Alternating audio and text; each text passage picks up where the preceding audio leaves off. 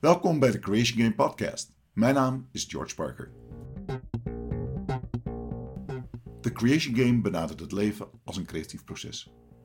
In de podcast onderzoeken we wat er gebeurt tussen verbeelding en realiteit, terwijl we werkelijkheid creëren en ombuigen. Man,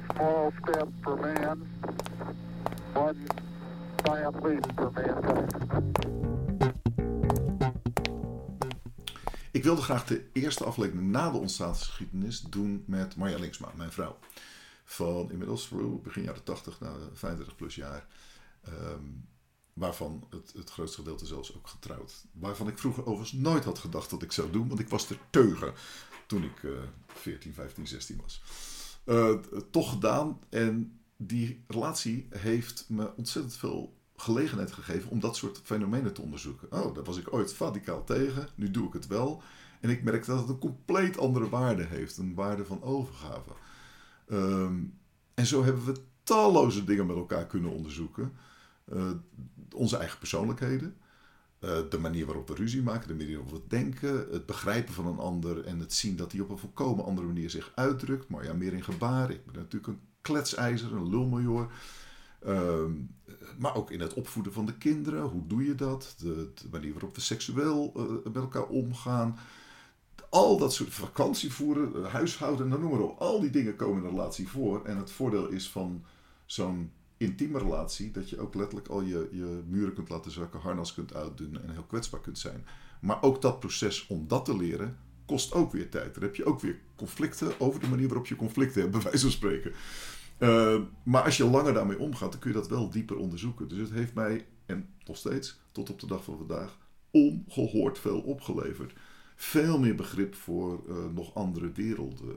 Het, de manier waarop je jezelf ontwikkelt. Met andere woorden, zij is een fors deel van mijn ontstaansgeschiedenis. En uh, toen ik ooit verliefd op haar werd, zaten we samen in een improvisatietoneelgroep in Utrecht. En uh, ik wist al veel vroeger, oh dit is er. Helaas was zij getrouwd.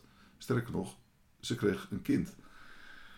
Dat was een probleempje, dus ik heb daar ook lange tijd me afzijdig van moeten houden. Met heel veel uh, lijden. Zeker toen ik, wat was ik toen, 18, 19 jaar of zo. Uh, groots en meeslepend. En, maar wel wetend, ja, ik kan hier dus niet een soort spel gaan spelen van haar uit dat huwelijk halen. Want dat is A, niet fair. B, later leeft het zeer waarschijnlijk gewoon ellende op, want dan is het niet haar keuze. Uiteindelijk, na een jaar of anderhalf, uh, ontwikkelden zich dingen en is dat gelukkig gebeurd. Uh, ja, gelukkig, althans voor ons. Natuurlijk is de scheiding altijd ellendig en vervelend en naar. Zeker als je een kind hebt. Uh, maar dan hebben we zo goed en zo kwaad als het ging ons in weten te redden. dus de avonturen zijn te over de laatste ruim 3,5 decennia. En in dit gesprek gaat het niet over die relatie over. Althans, een deel gaat er wel over. En wie weet komen we daar ooit nog een keer op terug om daar dieper op door te gaan. Over de dynamiek tussen twee mensen en, en hoe, dat, hoe je op elkaar inwerkt. Uh, dit gesprek gaat met name over, althans het eerste gedeelte, gaat met name over haar kunst. Uh, maar je heeft heel veel dingen gedaan in het leven. Ze is creatief uh, therapeut, speltherapeut. maar ze is ook heel lang, 20 jaar, tuinjuf geweest, omdat ze erge groene handen heeft. En heel graag in de tuin werkt. En uh, voor, de Vrije School in Almere heeft ze dat gedaan. Uh, maar in dit geval gaat het over haar kunst. En ik ben een grote fan van haar kunst. We hebben zelf samen een boek geschreven. Zal binnenkort ook op de webshop uh, verkrijgbaar zijn. Verbeelding, realiteit en mysterie. En dat is wel een van de dingen die ons bindt. We, we zijn beide bezeten van die wereld tussen verbeelding en realiteit. Hoe je samen verbeelding kunt maken. Hoe dat tussen twee mensen een soort mentale seks wordt als het ware, gezamenlijk. We hebben ook wel weekenden gedaan bijvoorbeeld, waarin we een tandenborstel meenamen, een paar onderbroeken. En uh, vervolgens zeggen, nou op de Bonnefoy, we gaan eruit. En dan mag jij links zeggen, nu, gaan, nu zeg ik rechts. Dan gaan we met de trein en nu mag jij een plaats zeggen. Om al creërend samen verbeelding om te zetten in realiteit. En te kijken waar de behoeftes waren. Zo zijn een keer in Praag terecht te komen. Maar ook een keer in Holte en een keer in uh, Amsterdam in het Hans Brinker Hotel. Waar we een soort weekendje hebben doorgemaakt uitzoekend hoe die dynamiek tussen ons uh, werkt en uh, hoe we samen het leven creëren. in dit geval gaat het over haar kunst tussen verbeelding en realiteit. ze is beeldend fotografe, heeft dat wat later in haar leven opgepakt. Wel vroeg geïnspireerd geraakt, maar veel later daar een vorm aan gegeven. En een grote diversiteit van fotomateriaal, waar het eh, eerste gedeelte over gaat. Nu hebben we het ook nog even over onze relatie. En dan ronden we af. Voldoende voor de inleiding. Weer te veel gekletst. Maya Linksma. Dank voor het luisteren. De vorige keer heb ik een inleiding gegeven over de eh, origin story, oftewel de ontstaansgeschiedenis van de Creation Game en mijn fascinatie met het creatieproces. In het leven, in de kunst, werk, ook relaties. Dit is eigenlijk de eerste officiële aflevering, het eerste interview wat ik zal doen. En dat doe ik met Marja Linksma. Welkom. Dankjewel. Marja is mijn vrouw. Marja is de liefde van mijn leven. Uh, maar er zijn verschillende fascinerende dingen aan die ik zou willen bespreken met je. Ja. Uh, een daarvan is sowieso de kunst. Dus daar wil ik het sowieso Ja. over hebben. Want jij Leuk. maakt foto's, maar je maakt geen foto's, maar je doet iets met foto's. En dat zit absoluut tussen verbeelding en realiteit. En het andere, als we eraan toekomen, is mogelijk onze relatie. De wijze waarop we nu inmiddels 35 plus jaar bij elkaar Mhm. zijn. Ja. Wat ook niet zonder nucleaire oorlogen ging. Eh, dat gebeurt ook niet als je met mij leeft. ehm, en ook niet met, met, met jou leeft. Dus dat is een ander aspect. En je weet komen nog aan andere dingen toe. Maar dat zijn Ja. twee belangrijke brokken, denk ik. Maar laten we beginnen met je kunst. Want Ja. dat is iets wat je later in je leven hebt opgepakt. Maar wat volgens mij wel altijd een rol heeft gespeeld. Je, je hebt bijvoorbeeld, dat is het eerste wat ik nu aan denk, is het project Gat in de Tijd. Ja. Misschien kan je aan de hand daarvan iets vertellen wat jij met foto's wilt en wat je ermee bedoelt. ja, ik ben eigenlijk met het fotograferen begonnen omdat ik het eh, gevoel had dat ik alleen maar bezig was met, alleen maar alsof het niks is, eh, Hm. kinderen opvoeden. Ja. Via het werk, onze eigen kinderen, eh, op school. En toen was op een gegeven moment erg duidelijk dat iedereen aan onze jongste voortdurend vroeg: wat wil je laten worden? Ja. En ik liep door Amsterdam en ik dacht, misschien moet ik mezelf die vraag ook eens stellen. Wat wil ik laten worden? Als ik dat nu aan mezelf stel, wat, wat wil ik dan? Wil ik dan nog steeds de dingen doen die ik nu wil? Mhm. Of, of die ik nu doe? En als ik het helemaal opengooi, wat zou ik dan willen? Ja. En lopend door Amsterdam kwam ik langs de fotoacademie. Oh ja, op de Prinsgracht. Ja. Ja. En toen viel eigenlijk alles wel op zijn plek, want mijn vader heeft natuurlijk altijd gefotografeerd. Ja. zelf afgedrukt. En wij mochten één voor één mochten wij daar dan bij zijn met het afdrukken. En ik wilde als laatste, want dan Ja. stond er niemand meer te wachten. En dan mocht ik heel lang. Hm. Kon ik zien hoe dat, hoe dat met het afdrukken ging, hoe die foto opkwam op dat papier. Echt fascinerend mooi. Dus ik, daardoor ben ik eigenlijk dat ik dacht van, oh wacht, ik ga fotograferen. Dat is eigenlijk wel heel erg leuk, want ik doe het wel heel veel. Ja. Gewoon dingen vastleggen van vakanties en leuke momenten. En tijdens de fotoacademie kwam ik erachter dat ik heel erg in dat beeld zat dat het wat ik deed heel erg nuttig moest zijn. Ja. En dan nuttig ehm, dat mensen daar ook direct wat aan hadden. Dus ik zou moeten. Ik moest van mezelf eigenlijk reportages gaan maken over de wantoestanden in verpleeghuizen bijvoorbeeld. Echt maatschappelijke dingen aan de kaak stellen via fotografie. Oké. En via mijn docent op de academie, die mij binnen een paar minuten gewoon alleen maar vragen stelde. En na tien minuten wist ik het heel zeker dat ik dat helemaal niet ging doen. Wat voor soort vragen stelde die dan, waardoor je... Ehm, nou, eigenlijk wat ik ermee wilde bereiken en wat ik tot nu toe gefotografeerd had en wat, me, wat mijn leukste foto's tot nu toe waren en waar dat vandaan kwam. Maar was En je dat- antwoord dan, dat waren nuttige foto's met maatschappij? Ja, het waren niet altijd nuttige Nee, foto's. Ik was Ah. toch altijd wel net even iets anders aan het doen. Ja, We hebben beneden die foto hangen van, van Emiel met zo'n vliegenmapper en allemaal engeltjes eromheen. inmiddels onze jongste. Ja, althans Oh ja. 31 nu, maar dat is niet... Ja. ja. Met die vliegen met... En dat was op de fotoacademie een opdracht. Kregen we een paar weken achter elkaar alleen maar een woord. En dat moest de titel zijn van je foto. Mhm. Dus wij kregen het woord vliegen. Ja. En iedereen deed iets met vliegtuigen of zelf door de lucht vliegen. Ja. En ik had dus een vliegenmapper en die engeltjes. Ja. En, en, en ik merkte ook dat, door zijn vragen dat het me duidelijk werd dat dat, eh, dat kwam diep van binnenuit. Ik ben katholiek opgevoed. Ja. Dat zit toch heel erg in al mijn cellen. Mhm. Ik wilde vroeger ook missiezuster worden. Dus ik, ik had wel... Die beelden die met het katholicisme meekwamen, die zitten heel diep, merk ik. Ja, ja.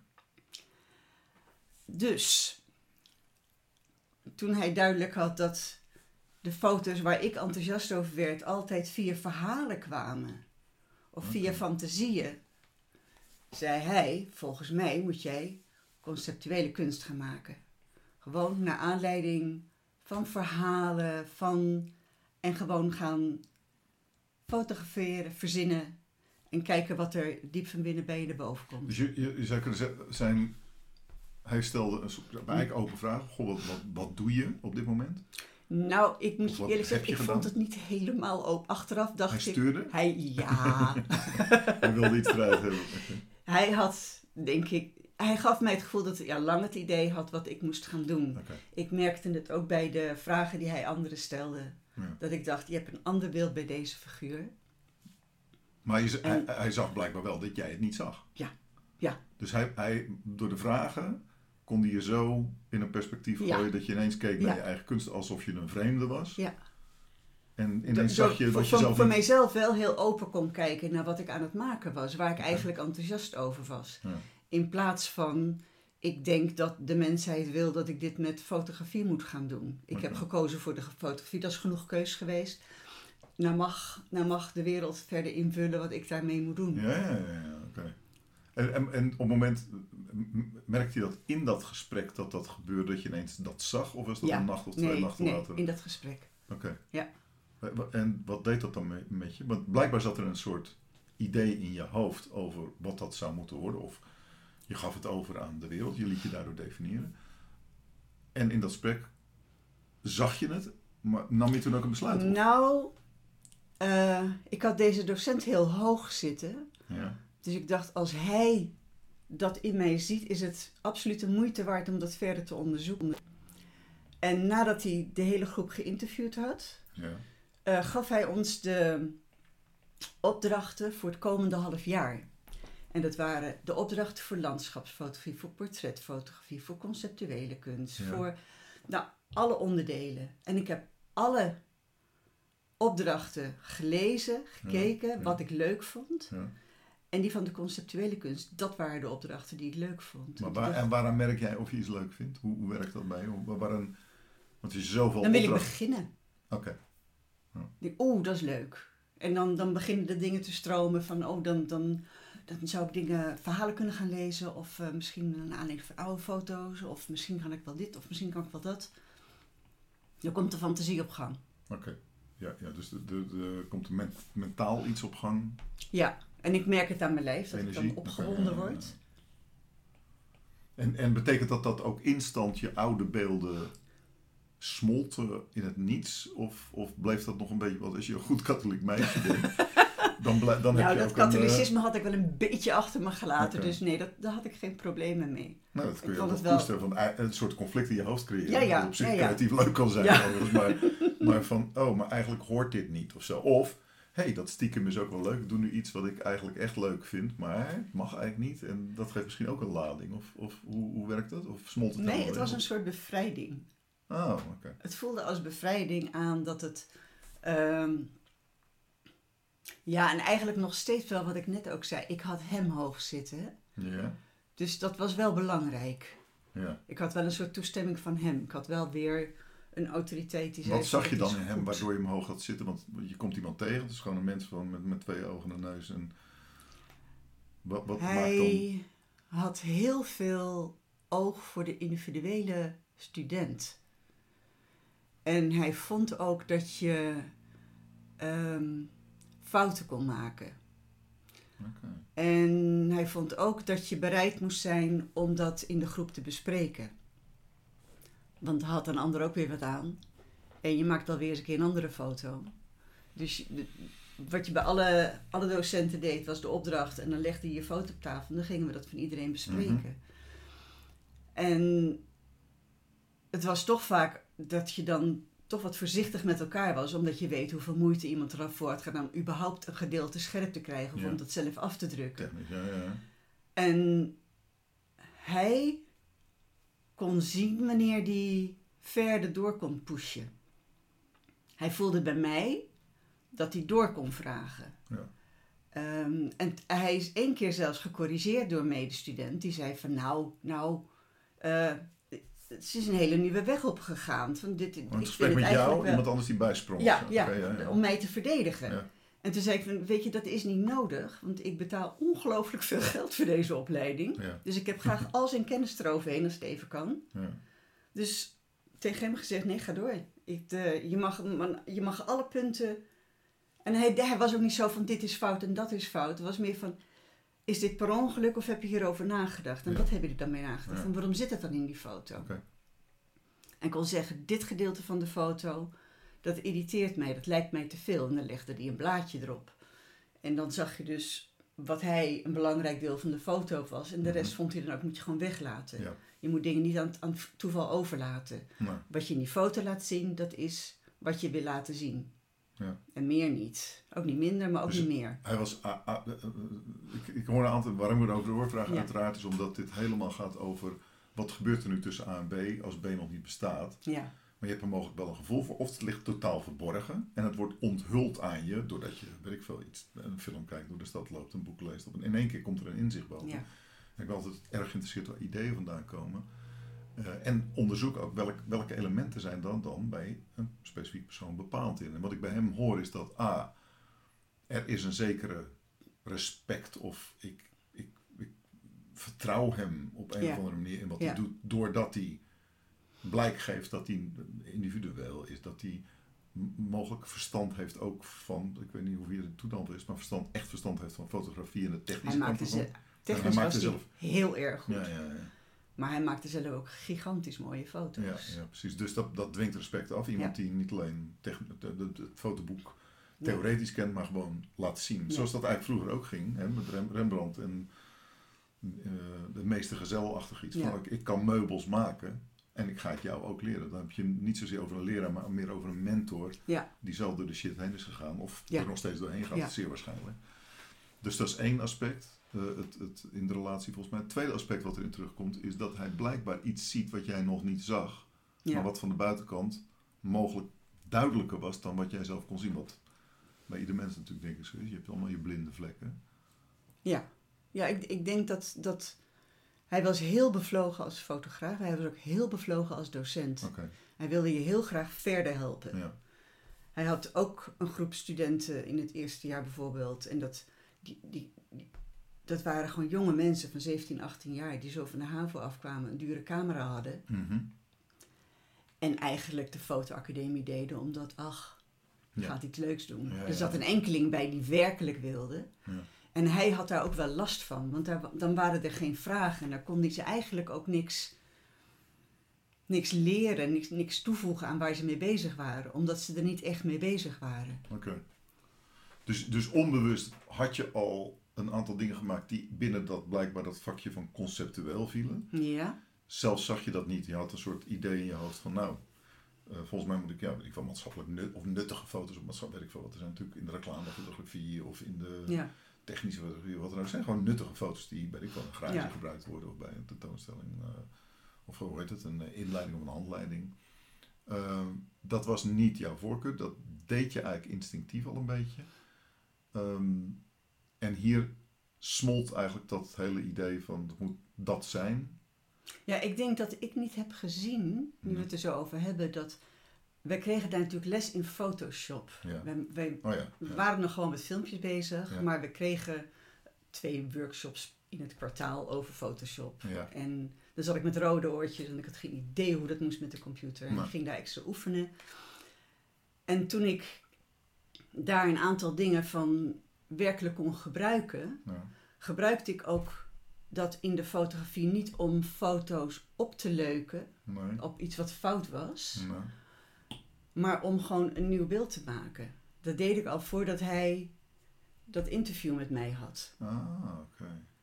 Dus beetje spelen met de beelden zelf. Als, alsof Ja. het verf is, maar, Maar ja, dan waren het fotografische ja dus niet, ah, niet denken van, oh die, die heeft puistjes op de neus en die vindt dat niet leuk. Ja, ik ga ze wegwerken. Dat ze in de reclame veel doen. Of ehm, nou, als er ergens een, een, een, een hijskraan staat, denk ik, nou kan hij niet zo goed gebruiken daar in de lucht. Dan, dan maak je Ja, daar verder lucht van. Maar dan, dan blijf je gewoon het beeld houden wat je gemaakt hebt, Ja. wat, je, wat je geschoten hebt, het eerste, de foto.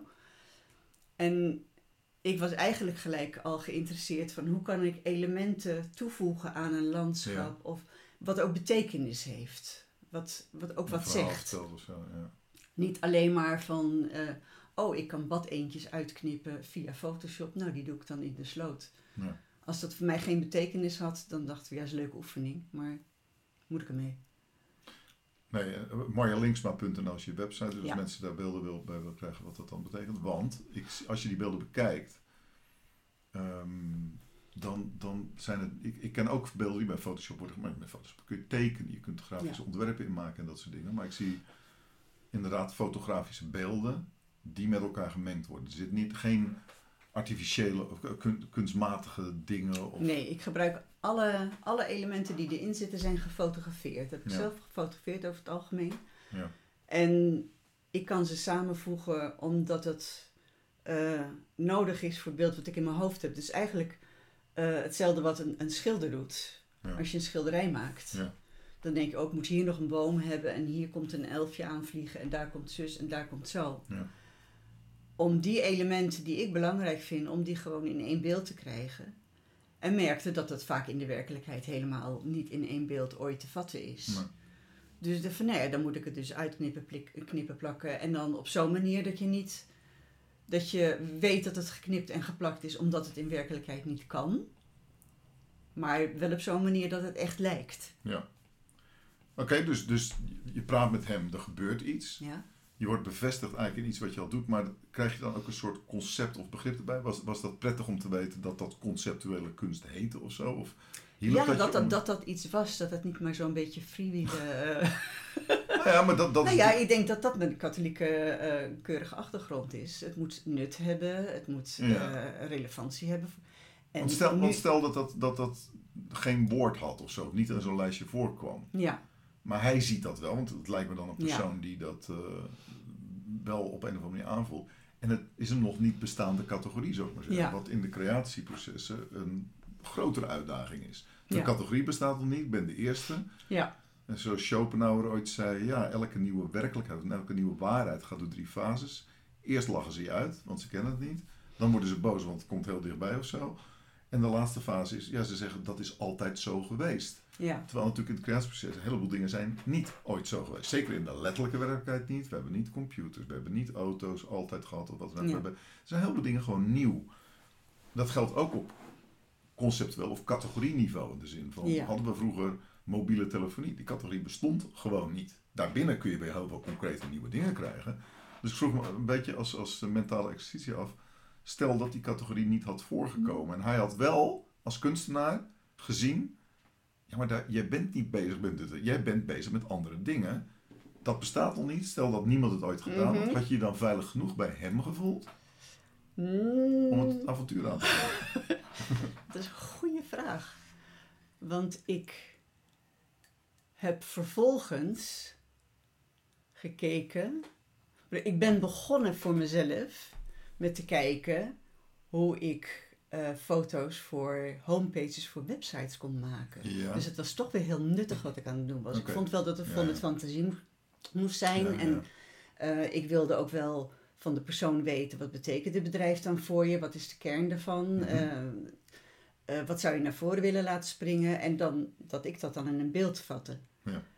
En als je het zo vraagt, dan denk ik, dan heb ik het toch weer heel stiekem een beetje gebogen naar het nuttige. Ja, ja, ja. En dus dat is niet direct in één keer helemaal gebeurd. Hm. Na de hand was het wel van nee, daar kan ik, daar kan ik gewoon me op storten. alle kanten uit. Ja. Dat kan alle kanten uit, liever zelfs. Ja. Omdat wat een, ik merkte dat als ik het van een ander in beeld probeerde te brengen, Mhm. dat, vond, dat vind ik machtig ingewikkeld. Waarom? Ik denk dat het kwam. Ik zou het nu eigenlijk weer eens moeten doen. Ik ben er een beetje mee bezig. Ik denk dat het kwam omdat ik zelf nog zo aan het ontdekken was wat mijn beelden waren. Ja. Wat mijn stijl was, wat, wat mijn taal was in, in, in beelden. Ja, ja, ja. Werd er op de fotoacademie, eh, want je zegt dat hij oog had voor individuen. Eh, Werd, werd daar aan dat aspect van, Amerikanen noemen dat finding your own voice, zeg maar. Werd daar Daar werd over gepraat. Ehm, daar, werd, daar werd ook wel, ja, er werd wel aandacht aan gegeven. Ehm,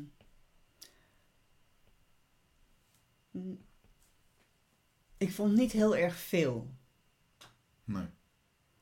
Het was ook, ook het beeld wat erg benadrukt werd, was dat je, als je geld wilde verdienen met fotografie, dan was dat natuurlijk niet met conceptuele kunst en zo. Dan moest je echt eh, de reclame ingaan en je Ja. moest bereid zijn om jezelf te verloochenen. Dat, dat werd le- letterlijk zo gezegd. Dat is wel een klassiek kunstenaarsdilemma, denk ik. Eh, natuurlijk is mijn uitgangspunt altijd geweest, sinds mijn vijfde eigenlijk altijd, oh shit, dingen zijn verzonnen. Ook de kast waar ik voor sta, ook mijn bed, ook mijn kleding. Ja. Dus voor mij is dat dilemma nooit zo aan de orde geweest, maar ik heb het wel, ben het wel tegengekomen. Een artiest die zegt, nee, maar echte kunst kan niet commercieel zijn of zo. Ja. Ehm, daar kunnen we zo nog wel even over praten, want dat is per definitie vanuit waar commercie vandaan komt niet zo. Ehm, dus eh, ik, ik maak even noti- notitie daarover. Maar, maar dat, dan is dat een van die innerlijke conflicten die je in je hoofd kan hebben. Van oh, ik mag er geen, want geld is iets, iets wat, wat hoort bij. Nou, dan komt er een heel onethisch beeld van Ja. verkopers. Die, en dat is natuurlijk maar een heel klein gedeelte in de wereld. Zeker, ik werk natuurlijk met maatschappelijk verantwoord ondernemen. Ik werk, werk met... En dat, de intentie is dat helemaal niet zo. We kunnen natuurlijk met z'n allen uit de bocht lopen. En er zijn excessen. Dat zal ik niet ontkennen. Maar dat is niet iets wat tegenover elkaar hoeft te staan. Maar als het zo expliciet gezegd wordt, dan hoort dat mogelijk bij de denkschool over kunst. Ja, wacht even. Als de suits komen, hè, de, de pakken, zoals dat in Hollywood heet, dan komt er een commercieel sausje overheen. En dan wordt eigenlijk datgene wat het nou net goed maakt, die stijl, die Ja. voice, die wordt eruit genomen. Ja. Want dan is het generieker, dan is het algemener en dus commercieel succesvoller. Ja. Nou, daar kun je honderdduizend discussie over hebben, maar het staat niet per definitie tegenover elkaar. Nee, dat denk ik ook niet. Als Nee, je, dat denk ik ook niet. Ik was er een van de weinigen die dan vragen begon te stellen waarom dat zo was in hun ogen. Waarom zou je niet met datgene wat jij geweldig vindt, jouw ideeën, puur jouw ideeën, ja, en dat kan best in samenwerking tot stand gekomen zijn met anderen. Maar waarom zou je daar geen geld mee kunnen verdienen en kun je alleen maar geld verdienen met ideeën van anderen of als je anderen dient? Ja. Ik was er natuurlijk net achter gekomen dat, dat ik die reportages niet ging doen en Ja. dat ik dat hele dienende, dat dat eigenlijk in de weg stond van, van mijn werkelijke kunst. Nou ja, het is, het is bijna zo als- alsof iemand zegt: God, dit vind ik mooie kunst. Nu gaat het verkopen, nu vind ik het niet mooi meer.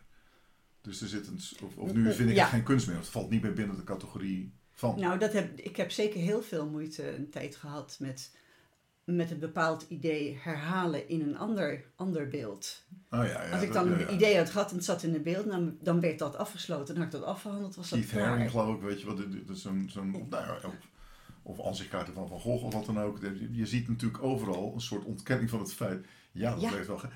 Het mogelijk heeft het puur te maken met de intentie erachter. En, en is dat wat kunstenaars pijn doet? Dat je zegt, ja, maar als het een eenzijdige financieel of monetaire intentie krijgt, dan haak ik af. Terwijl Ja. het heel vaak natuurlijk hand in hand gaat. Ja. Of je nou in de muziek de cd's van Bach verkoopt of concerten verkoopt, daar, zit, daar is geld mee gemoeid. En geld is wat dat betreft, als we terugkomen op wat ik net beloofde, commercie gaat over waarde, Ja, wat mij betreft.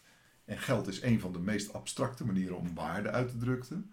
Ik kan je een brood geven of een taart of een bloemetje, dat heeft een concrete waarde. Maar geld is een abstracte waarde, je kunt Ja. er nog op dingen mee doen. Maar als het gaat over waardeuitwisseling, dan kun je zeggen, nou ik geef jou een beeld en daarmee geef ik je impuls, een emotionele ervaring of weet ik veel wat. In ruil daarvoor krijg ik een andere waarde terug, als een soort uitdrukking Ja. van waardering, letterlijk. ja. Eh, en op het moment dat je dat gaat scheiden van elkaar en, en geld stinkt of geld stinkt niet of wat dan ook, ja, het is een andere vorm van waarde die Ja. misschien ooit niet bestond in de ruilhandel, maar op een gegeven moment hebben we het verzonnen als een handig eh, tussenmiddel, zou Ja, ik maar zeggen, via goudklompjes of wat dan ook. En blijkbaar is het zo'n krachtig middel dat heel veel mensen zelfs geld verdienen als doel zien in plaats van als middel, als een van de waardeuitwisselingen. Ja, Dus ik kan me wel voorstellen dat, dat kunstenaars in creatieprocessen dan oh, dat moeten buiten blijven. Want het, het blijkt nogal een krachtig, eh, ehm, eh, een, een, een, een groot krachtenveld te zijn, laat het zo maar zeggen. Waardoor je Ja. soms verblind wordt. je merkt hoeveel mensen daar rondlopen. En ik heb het ook wel bij, bij mensen gezien die schilderen en die, die andere vormen van, van kunst Ja. maken. Dat het beeld van de eh, zielige kunstenaar driehoog achter met Ja. alleen droog brood. Dat, dat een geromantiseerd beeld, want het is geweldig. Want die, die maakt natuurlijk de mooiste dingen. Lijden, lijden, lijden. En je verdient er nooit wat mee. En dan als je dood bent, dan word je natuurlijk wereldberoemd. Ja. En als je dat nu al wordt, ja, dat kan toch alleen maar als je commercieel Nou, het- het- bent. het is en een commercieel is interessant zo beeld. vies. Ja, maar het is een interessant beeld. Hoe, waar komt dat lijden en dat koesteren van lijden dan vandaan? Als, je, als, als we het even over het katholicisme hebben. Het symbool is iemand op, die aan het lijden is. Weet je wel? Die, die letterlijk Ja, ja. gemarteld wordt en aan het kruis sterft. Nee, in de huiskamer. En Ja. als je, toen ik Jesus Christ Superstar dacht van, oh, maar het is een heel ander verhaal. En het is, maar op een of andere manier, lijden, ehm, laten we dat onderwerp even, want dat vind ik wel interessant om over te praten. Omdat het, het heeft wel raakvlak. Want als je het ontkent, dat is ook niet waar. Mhm. Ehm, als we het dan over het Christusbeeld hebben, in de katholicisme en het christendom in het algemeen, dan is passie, de passie spelen en dat soort dingen, nou, dat gaat natuurlijk over dat lijden. Eh, Passie betekent lijden. En Ja. tegenwoordig hebben we wel mensen, waar ben je gepassioneerd over? Ja. Dat betekent eigenlijk, waar heb je het lijden voor over, zodat je daar komt. Maar dat betekent niet dat je het lijden moet verheffen tot doel in zichzelf, volgens Nee. mij. Want Nee, dat hoeft niet. Heb je, Nee. eh, je, je, je hebt- Ik- ik kan je heb- voorbeelden noemen van, van kunst die je hebt gemaakt waarvan je denkt dat was een, een suffering? Ik heb, ik heb een foto de titel meegegeven, Passie. Oké, Ehm, en wat maar heel weinig mensen herkennen als zodanig. want? Ze zien het lijden wel, maar niet de gepassioneerdheid. De foto is van een toetsenbord, van een pianotoetsenbord. Ja, Je ziet ehm, wolken daarboven. En in beeld zie je twee handen. Die steken uit de ehm, mouwen van een Colbert. En die handen zijn helemaal ingetaped met verband. nou ja, ja, ja. Dus het zijn eigenlijk, kan zo eigenlijk niet piano spelen, Eigenlijk nee. kan er niet piano Maar spelen. kan een beetje bonken. Maar ja, en hem zo gemaakt. Ik zeg, beweeg je armen maar. Zo. Ja, Omdat dat volgens mij is van... Als je zo graag wil piano spelen, laat je je niet terughouden door die paar dan ga je verbandjes door. Ja, ja. Dan ga je kijken wat er dan nog mogelijk is.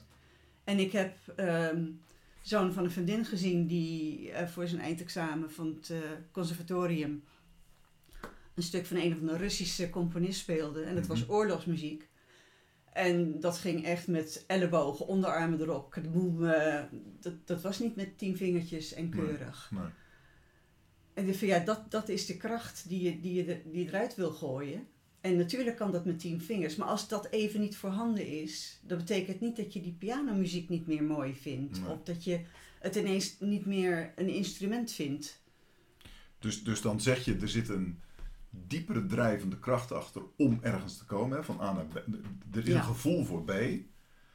En als dat niet lukt, dan ga ik nog steeds door. En dat maakt het soms tot een lijden, omdat er natuurlijk frustratie bij hoort. En ik heb nog niet ontdekt hoe het dan wel moet. Ja, De vergissing die mensen natuurlijk veel maken is, dat kan niet, want het is nooit gedaan. Nee, het is nog nooit gedaan, maar dat betekent niet dat we een nieuwe werkelijkheid kunnen scheppen. Het is, ja. het is, het is een, ik vind een vrij armoedige eh, opvatting als je zegt, nou alles is al een keer gedaan. Tuurlijk, op menselijke behoeftes, dat zal misschien eh, consistent blijven. Maar er was echt nooit een man op de maan gezet. Er was echt nooit een televisie Nee. of een verbrandingsmotor. Of, er zijn heel veel echt nieuwe dingen onder de zon. Eh, dus in dat opzicht scheppen we ook nieuwe werkelijkheid of nieuwe verhoudingen of wat dan ook. En dat gebeurt zeker de laatste 10, 20 jaar in een, of de laatste eeuw eigenlijk in een rot tempo. Dus dat is, ook, is dat de verwachting ook als artiest dat je zegt, ik voel dat diepere, die diepere drijvende kracht, of die eh, de pianist die je nu net noemt. Ehm, en dan ga ik, dan zal er ergens een weg ontstaan, zoals een van de subtitels van Moe, waar een wil is, ontstaat een weg. Ja. Dat is in ieder geval wel mijn idee. Maar is dat bij jou ook zo, dat je zegt, als ik er niet kom, linksom, rechtsom, onderuit of na drie maanden of misschien tien jaar, weet je, wel, is, is dat het lijden wat je ervoor over hebt of zo? Het, Nee, het ik ben, doorzetten. ben met een foto bezig voor een vriendin en dat- is nu ruim een jaar nu al, anderhalf jaar. Oh ja, ja, ja. En we schrijven af en toe. Zij woont in Amerika. En ik, ik, ik ga af en toe even bij haar vissen van hoe, hoe belangrijk zus en zo. Het is heel belangrijk voor de, wat, wat ik aan het doen ben. Heel persoonlijk. Maar voor haar is het ook, ook het proces heel belangrijk. We zijn nu bijna op het punt, als het er nooit foto wordt, is het ook goed. Maar Ja, ik, ja, ik ben- ja. nu ben ik er bijna. nu heb ik eigenlijk het gevoel dat als ik het zie, dat ik aan haar denk. En dan denk ik, ja, dan... dan ik vind het nog steeds prettig om dit beeld te zien. En wat is dat dan? Dat, dus nu hebben we het over de, het pad er naartoe kan lijden zijn. Dat hoeven we niet tot, tot Mhm. ideaal te verheffen, want zonder lijden Nee, kun je eh, nee, dat ook komt tot, tot mooie dingen. Ja hoor. Eh, het is een, dat, dat wordt lijden als je niet ontdekt, of die direct ontdekt, of langs jouw wegen ontdekt. Dat, dat dieper liggende gevolg, die dieper drijvende kracht. Kan je er iets meer vertellen over wat die dieper drijvende kracht dan is? Is dat een lijfelijk iets? Is het, gaat het over liefde, over ziel? Over, wat is dat dan waardoor je de volgende stap neemt? Of waardoor je een volgende deur ingaat? Of waardoor je nieuwe dingen wilt ontdekken? En waarom je het niet loslaat, laat ik het zo maar zeggen. En zij Ja. blijkbaar ook niet als klant. Nee. Ehm, in dit geval is het iemand waar ik veel van hou. Ja, Eh, dus liefde heeft een, heeft een groot, groot aandeel hierin. Mij geeft, met de verhalen die zij mij geeft. ja. De beelden mij komen tot stand op een bijna meditatieve manier. oké. Ik, ehm,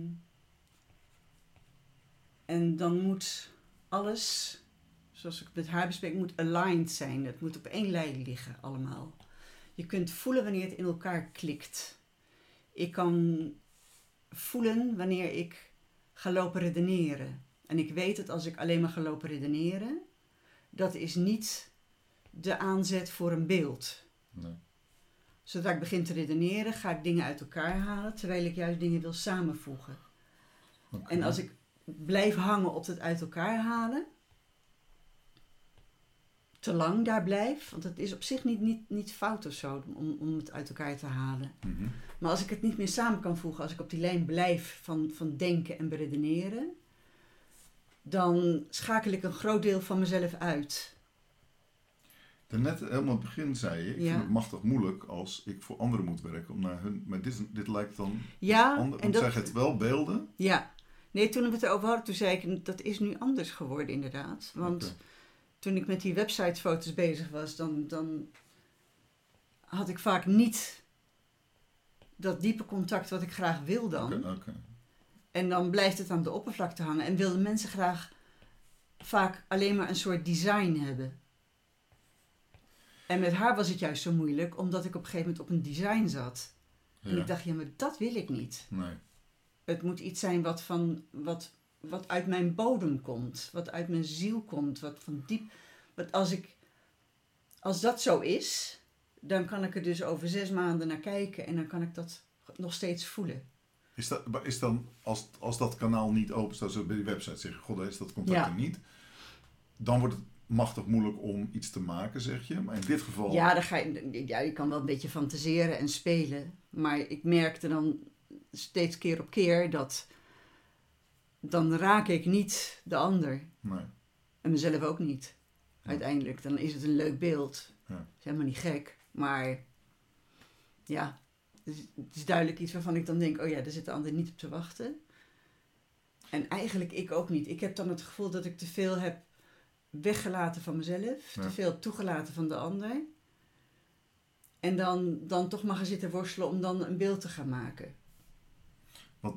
Als, ik vroeg naar, wat maakt dan dat je dat lijden ervoor over hebt? Hè? Dat je er over de hordes heen komt of, alle mogelijkheden. Vervolgens, als je dat in relatie met een ander doet, dan zal die ander dat ook in dit geval een goede vriendin. Je houdt ervan, er is een klik.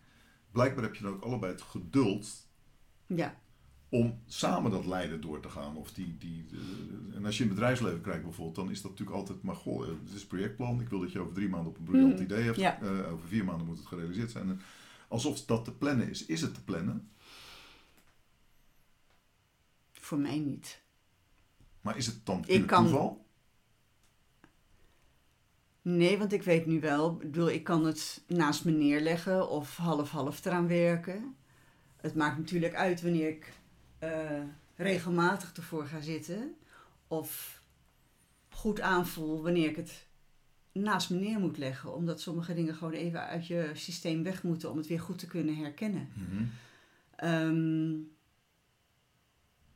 dus dit zou misschien wel sneller gekund hebben.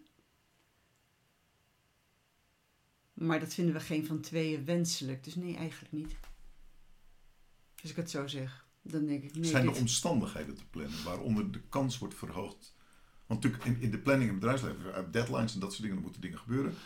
En als we het dan hebben over commercie, dan is dat natuurlijk een grote druk. Continuïteit en dat soort zaken spelen dan een rol. En onder die druk kan het wel eens zijn dat de ziel verkocht wordt, zou ik maar Ja. zeggen. Dat, dat, dan Ja. komen de suits, nemen het over, want, want dat andere belang wordt te groot. En het is natuurlijk een soort koorddanserachtige eh, dans met aan de ene kant de, de, de druk van omstandigheden, geld, tijd, middelen, toestanden, eh, het lot wat toeslaat of wat dan ook. Aan de andere kant die trouw aan blijkbaar iets wat ongrijpbaar is, wat niet planbaar is. Dus ik zoek nu naar, maar zijn de omstandigheden of in de relatie dan dingen te plannen waardoor dat oké is om door te blijven zoeken. Want er zit natuurlijk ook eh, nou, het feit dat die foto niet hoeft te ontstaan, dat is op zich een zegen. Maar een andere klant zegt, ik herinner me een opdracht die je hebt gedaan voor een, eh, een vrouw hier vlakbij. Die viel op jouw kunst en zegt van, goh, ik wil een foto van mijn kleinkinderen hebben. Ja, Maar daar zat wel degelijk een deadline aan. Ja. Van, maar wat dan Ja. Dus dat, vandaar mijn vraag. Maar als het dan niet ontstaat, zeg je dan nee? Of zeg je, hé, hey, ik heb manieren om de omstandigheden te creëren, zodat dat contact ontstaat? Of ik, moet, ehm, ik ga de omstandigheden bespelen, zodat ik de kans vergroot dat dat diepe contact, wat je, zoals je het net noemde, ontstaat. En van daaruit ook de juice, of de, de, de, de, de, de, de nou, dat, zoals bij deze vrouw, die kwam hier langs. ja, Die viel op mijn stijl. Die ging vervolgens om een groepsfoto maken, wat ik eigenlijk helemaal niet doe. Hm, nee. Maar door haar enthousiasme Maar dus dat, dacht dat- ik van, oh, dat is wel een hele leuke uitdaging. Ja. En het was iemand van 90 jaar. En zij liet tussen neus en lippen merken dat ehm, zij dat contact ook belangrijk vond. Ja. En ik ben daar dus ook een keer gaan thee drinken. Om met haar te hebben over de mogelijkheden en wat ik zo aan ideeën had. En eh, wat daar de mogelijkheden waren om het daar bij Ja, dus het is geen te technische discussie of commercieel of een eh, contractdiscussie, puur een, een, een, het toelaten dat dat contact gaat ontstaan. Ja. Of zo. En, Ja, dus echt elkaar le- willen leren kennen. Ja. Kijken van... van eh, En ik denk dat met die website vaak was dat mensen dan zo verstrengeld zaten in wat men verwacht dan van die website. Oké.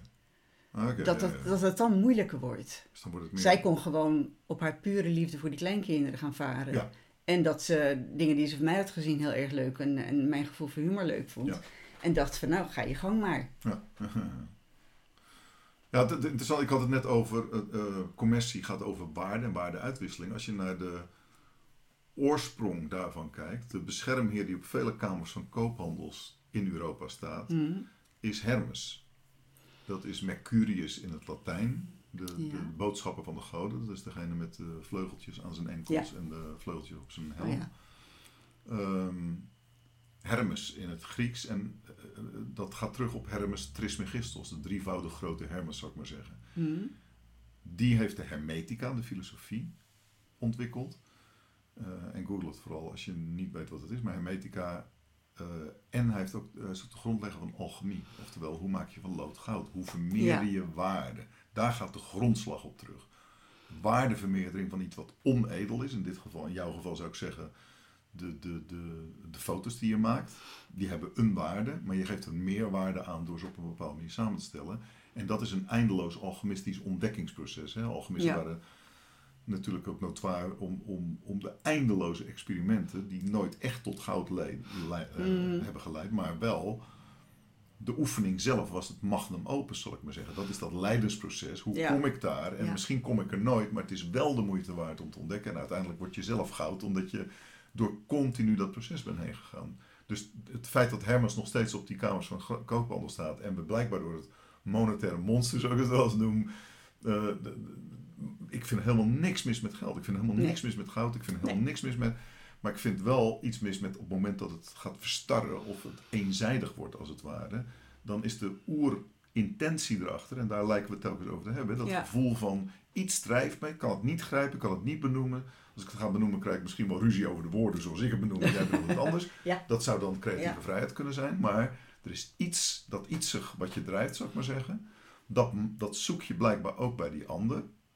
Dan ineens wordt het niet meer machtig moeilijk om voor die ander te werken. Dan zeg je, god, dan zijn er beelden. Dan, en dan laat ik beelden toe op een meditatieve manier. Of, of, of Ja, ik heb, ik heb toen ik daarheen ging om die kleinkinderen te fotograferen, had ik eigenlijk hele vage ideeën. Het moest met een boot en het moest met die zeven jongens. En we hebben daar anderhalf uur erg veel plezier met elkaar gehad. ja. En toen ik naar huis ging, ehm, wist ik nog steeds eigenlijk niet of ik de goede beelden wel had. Ja. Want ik stond op een vlondertje en ik was vergeten dat dat nooit vast zit aan de grond, dus alles bewoog. Dus ik, ik wist van, van misschien moet ik daar dan wat mee, want ik... En dat is dan wel vertrouwen op, ehm, op dat initiële gevoel. Zij wil graag een foto. We, we snappen elkaar. ja. Althans, in, in dat gevoel, zeg maar, opnieuw. Ja. Oké, ja. Zij benadrukte ook van nee, jij bent de kunstenaar. Dus, Dus ik, ga, de- ik ga ook niet zeggen van je moet het zus, je moet het zo doen. Jouw stijl. En ze moeten er. ehm, ze liet een foto zien van eh, lang geleden dat ze ook met z'n allen ge- geportretteerd waren. En dat was een hele stijve foto. Gewoon normaal. en zij, zij heeft heel veel over die kinderen verteld. En over dat gestoei onderling en leuk. Ze konden allemaal erg goed met elkaar opschieten. Drie gezinnen. En dus dat wilde ze wel dat dat in de foto zat. Dus da- dan geeft ze beelden en sferen aan Ja. en vervolgens ga jij dan aan de gang. Ja. Nou, even terugkomen ook waar helemaal mee begon. De eerste associatie die ik had, de Ja. gat in de tijd project. Ja. Omdat dat een soort bijna soortgelijke interactie, maar dan met je vader was. Ja, Je vader is in 2015, 99-jarige leeftijd overleden. ja. Eh, maar hij was ook van. Nou, hij maakte foto's en die heb jij als beeldmateriaal gebruikt. Kun je daar iets over vertellen? Ehm, hij heeft heel veel foto's van ons gemaakt door ons leven heen. En ehm, als kind waar we buiten speelden. Dus, dus niet alleen maar de verjaardag en de vakantiefoto's, maar ook dat we buiten aan het steppen zijn. Of met de poppen aan het spelen. Of met z'n allen aan het wandelen. Ook dat soort Mhm. foto's had hij veel gemaakt.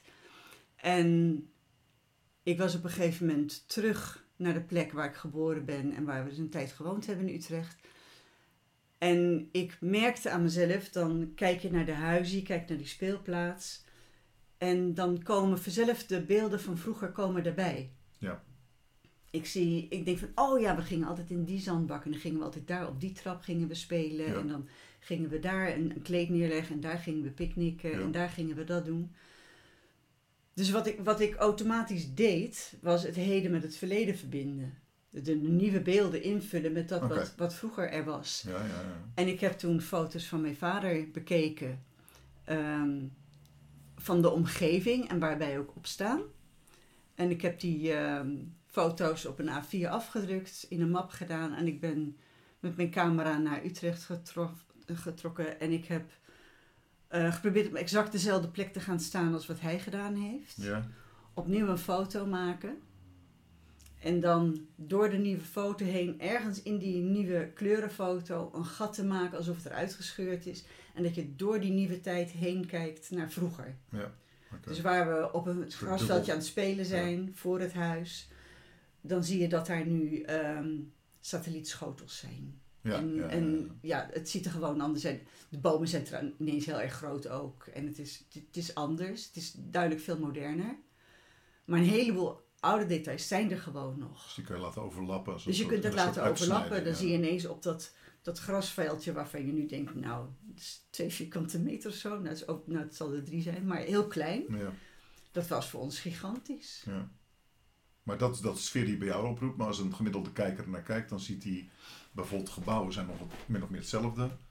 Maar de bomen zijn groter of wat dan ook. Dus hij heeft een soort uitsnede Ja, waarin hij letterlijk al door de tijd heen kijkt naar 40, 50 jaar terug. ja, En vervolgens op de voorgrond is een kleur de huidige situatie. En dat overlapt elkaar als het ware. Die, eh, ja.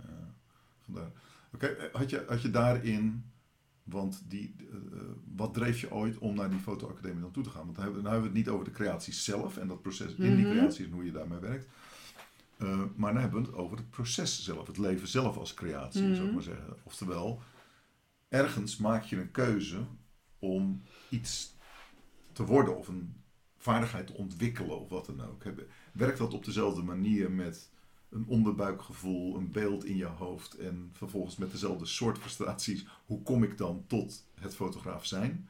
Hebben we het over een Het, iets- heet, het, het, het heeft heel veel hetzelfde als het maken van een beeld. Mhm. Als ik, ehm, als ik de stemmen uit me weghaal, als ik redenaties uit mezelf weghaal en een lege ruimte schep waar alles kan gebeuren, Mhm.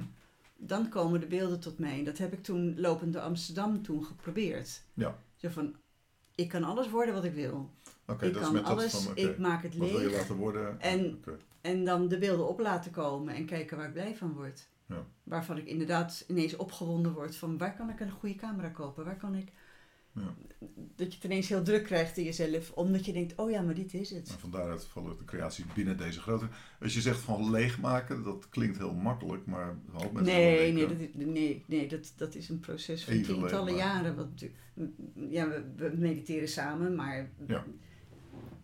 ook vaak alleen gedaan. Ja. En ook hele periodes niet, maar vaak wel. Ja. En ik merk dat, dat, dat het, eh, ja, oefening baart kunst. Je, je gaat herkennen wanneer je, ehm, wanneer je van, je van je plek weggetrokken wordt, wanneer je je laat weghalen. Mhm. Ehm, in het begin had ik altijd het idee van dan moet het ook helemaal leeg zijn. En, Ja, oeh, en dan, eh, dan zat ik daar met, eh, in mijn kleermaker zit. Waarschijnlijk het. En, en nu weet ik dat ook als we in het tuinhuisje zitten of als ik daar alleen zit en je hoort buurtkinderen spelen en je hoort de buren praten in hun tuin. tuinhuisje bij ons is overigens een meditatiehok. Dus Ah, in dat ja. tuinhuisje doen we nou geen tuinmaatmiddel in. Er zitten gewoon 60 kussens in waar we Ja. eh, stil kunnen gaan zitten. Ja, Ja. oké, ja. Dat ik dat allemaal kan horen en het allemaal niet belangrijk kan vinden. Mhm. Het is er gewoon. Ja. Ik maak voor mezelf wel eens het beeld van dat, het, dat ik het zie en dat het zo langs me heen glijdt. En dan denk Mhm. ik over de schutting ermee. Dat, het, het, het mag wel, maar ik, heb er, ik ben daar helemaal niet mee Nee. bezig. Ze moeten even voor zichzelf zorgen allemaal. Ik heb er geen ja. aandacht aan Nee, besteed. meditatie wordt natuurlijk, nou, er zijn heel veel er honderden tradities, maar we zijn er zo'n, eh, nou, volgens mij bijna op het moment dat we relatie kregen mee begonnen, zo'n 35 jaar. Ja. Ehm, een aantal dingen uitgeprobeerd. En, en rebirthing, ben, ik ben rebirther geweest en ademhalingstherapeut, Ja. polariteitsmasseur. Toen hebben we heel veel van die technieken geleerd en later lichaamswerk en, En reiki. en reiki gedaan, van allerlei soorten dingen gedaan. Naast alle hele aardse bedrijfsmatige dingen, zeg maar, of, of vaardigheidsdingen zoals fotografie of eh, in mijn geval goochelen, illusie, theater. Dat ehm, meditatietechniek, ik ben langzamerhand, ik heb dat wel vrij vroeg het inzicht gekregen, maar later pas echt kunnen formuleren van, oh, meditatie betekent eigenlijk dat je hoofd, je lijf, je emoties allemaal op dezelfde plek zijn. Ja. En als je het dan over je ziel wil hebben, je ziel ook. Ja. Als je ziel dat gaan staat voor wat je echt wilt, hè, je liefde of dat die stille plek of waar je, waar je het net over had, dat contact, het Ja. zielscontact zou ik maar zeggen. Wat je met vele mensen door de dag min of meer hebt, maar wat je zoekt in je kunst, naar, daar zoek je echt naar. Hoe kunnen we de omstandigheden scheppen om open, zonder enig eh, denken elkaar aan te kijken, Ja. contact te krijgen. Dat is één, dat is ziel. Mentaal is natuurlijk de, de, de multimedia show in je hoofd. Ja. Emotioneel, dat zijn, ja, dat zijn de, de hormonale bewegingen door je lijf en, en allerlei dingen waar we ook mee te Mhm. maken hebben. En lijfelijk. Dus als stomme voorbeeld wat ik, waar ik vaak aan denk is, oh, dus als je aan het afwassen bent en je ziel zegt ik wil het echt schoon hebben, ik kies om af te wassen. Je bent met je hoofd erbij, je handen zijn ermee Ja. bezig en je emotie is erbij, Ja. dan ben je eigenlijk aan het mediteren. Ja. Het valt allemaal samen. Ja. Dus Ja. als jij kunst maakt en je bent daarbij, dan is dat een vorm van meditatie. Ja. Maar dat herken ik wat je zegt met afwassen. Dat heb ik met werk in de moestuin ook heel sterk. Oké, ja. Ik kan dat, dat grote stuk voor me zien en weten dat het omgespeerd moet worden of dat het, de, de wortels eruit gehaald moeten worden. En daar kan ik stapje bij beetje daarmee bezig zijn. Mhm. En geen haast maken, maar wel met mijn hele ziel en zaligheid daar bezig zijn. Ja. En voor de rest niets. Nee. Alleen dat. Ja. Dus wat ik vroeger wel eens dacht, dat mag helemaal niet zijn. Dat moet echt helemaal Ja. luchtledig bijna zijn. Dat, dat ik dat gewoon dat ene dat kan. Ik, kan ook, ik kan het ook door ehm, de, gewoon wat als je je richt op je ademhaling. Dan Ja. ben je alleen maar je ademhaling. Ja, dus inderdaad stilzitten, als we samen stilzitten, dan is het inderdaad een, eh, soms vliegt een half uur echt letterlijk voorbij. Naarmate je er meer getraind in bent, kun je ook makkelijker die dingen laten staan. Je het als cirkels zou zien, ziel, mind, me- mentaal, lichaam en emotie, Ja, eh, dan, en, en die vallen over elkaar heen, dat is wat mij een goede meditatie. En, en dat betekent dus ook dat als je gedachten ergens anders heen gaan, maar je bent erbij, dan is dat oké, zou ik maar zeggen. ja, Ehm, dus dat betekent dat welke activiteit, in de creativiteitsdenken wordt het vaak ook flow genoemd. Je, je valt samen met wat je doet en met wat je wilt en wat je voelt en wat je denkt. Valt allemaal op één plek. En, eh, of als sporters dat hebben, de- je tweede adem, je zit in één keer Oh in, ja. in de zone. Mhm. Er zijn allerlei woorden voor. Mhm. eh, maar iedereen herkent denk ik wel het gevoel. En, en iedereen heeft waarschijnlijk zijn eigen manier om daarbij te komen. En meditatie is ook niet per definitie, dat ontdekte ik in de jaren tachtig. Eh, dat hoeft niet per se stilzitten te zijn. Nee, dat kan dus Nee. afwassen zijn. ja. Maar het kan ook hardlopen zijn Ja. of, of, of dansen. We hebben of, ook dansen gedaan. Ja, ja, ja. dansen. Ja. Ja. Ja, ja, ja, naar dansavonden geweest. En, eh, of de vijf ritmes van precies. Roth. Hebben Ja. we een paar Ja. weekenden van gedaan. Ehm, Oké, want dat brengt me naar het tweede onderwerp, de relatie.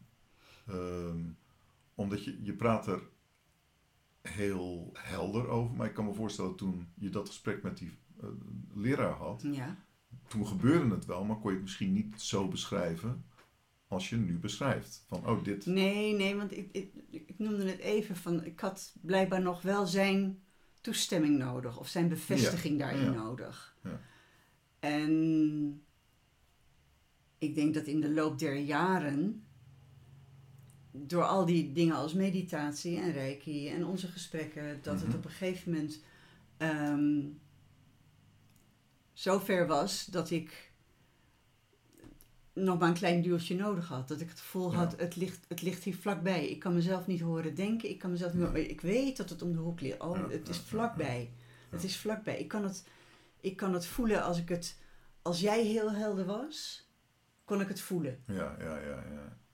Zoals die docent heel helder Dus was. er contact mee krijgen zonder dat je het zelf in ik, kon, jezelf... ik, had, ik, had een, ik had eigenlijk nog een ander nodig om contact met mezelf te krijgen. Nog nodig? Of, of is dat gewoon een gegeven in het leven? Dat je soms een film kijkt of in een omgeving bent die dat oproept in jezelf.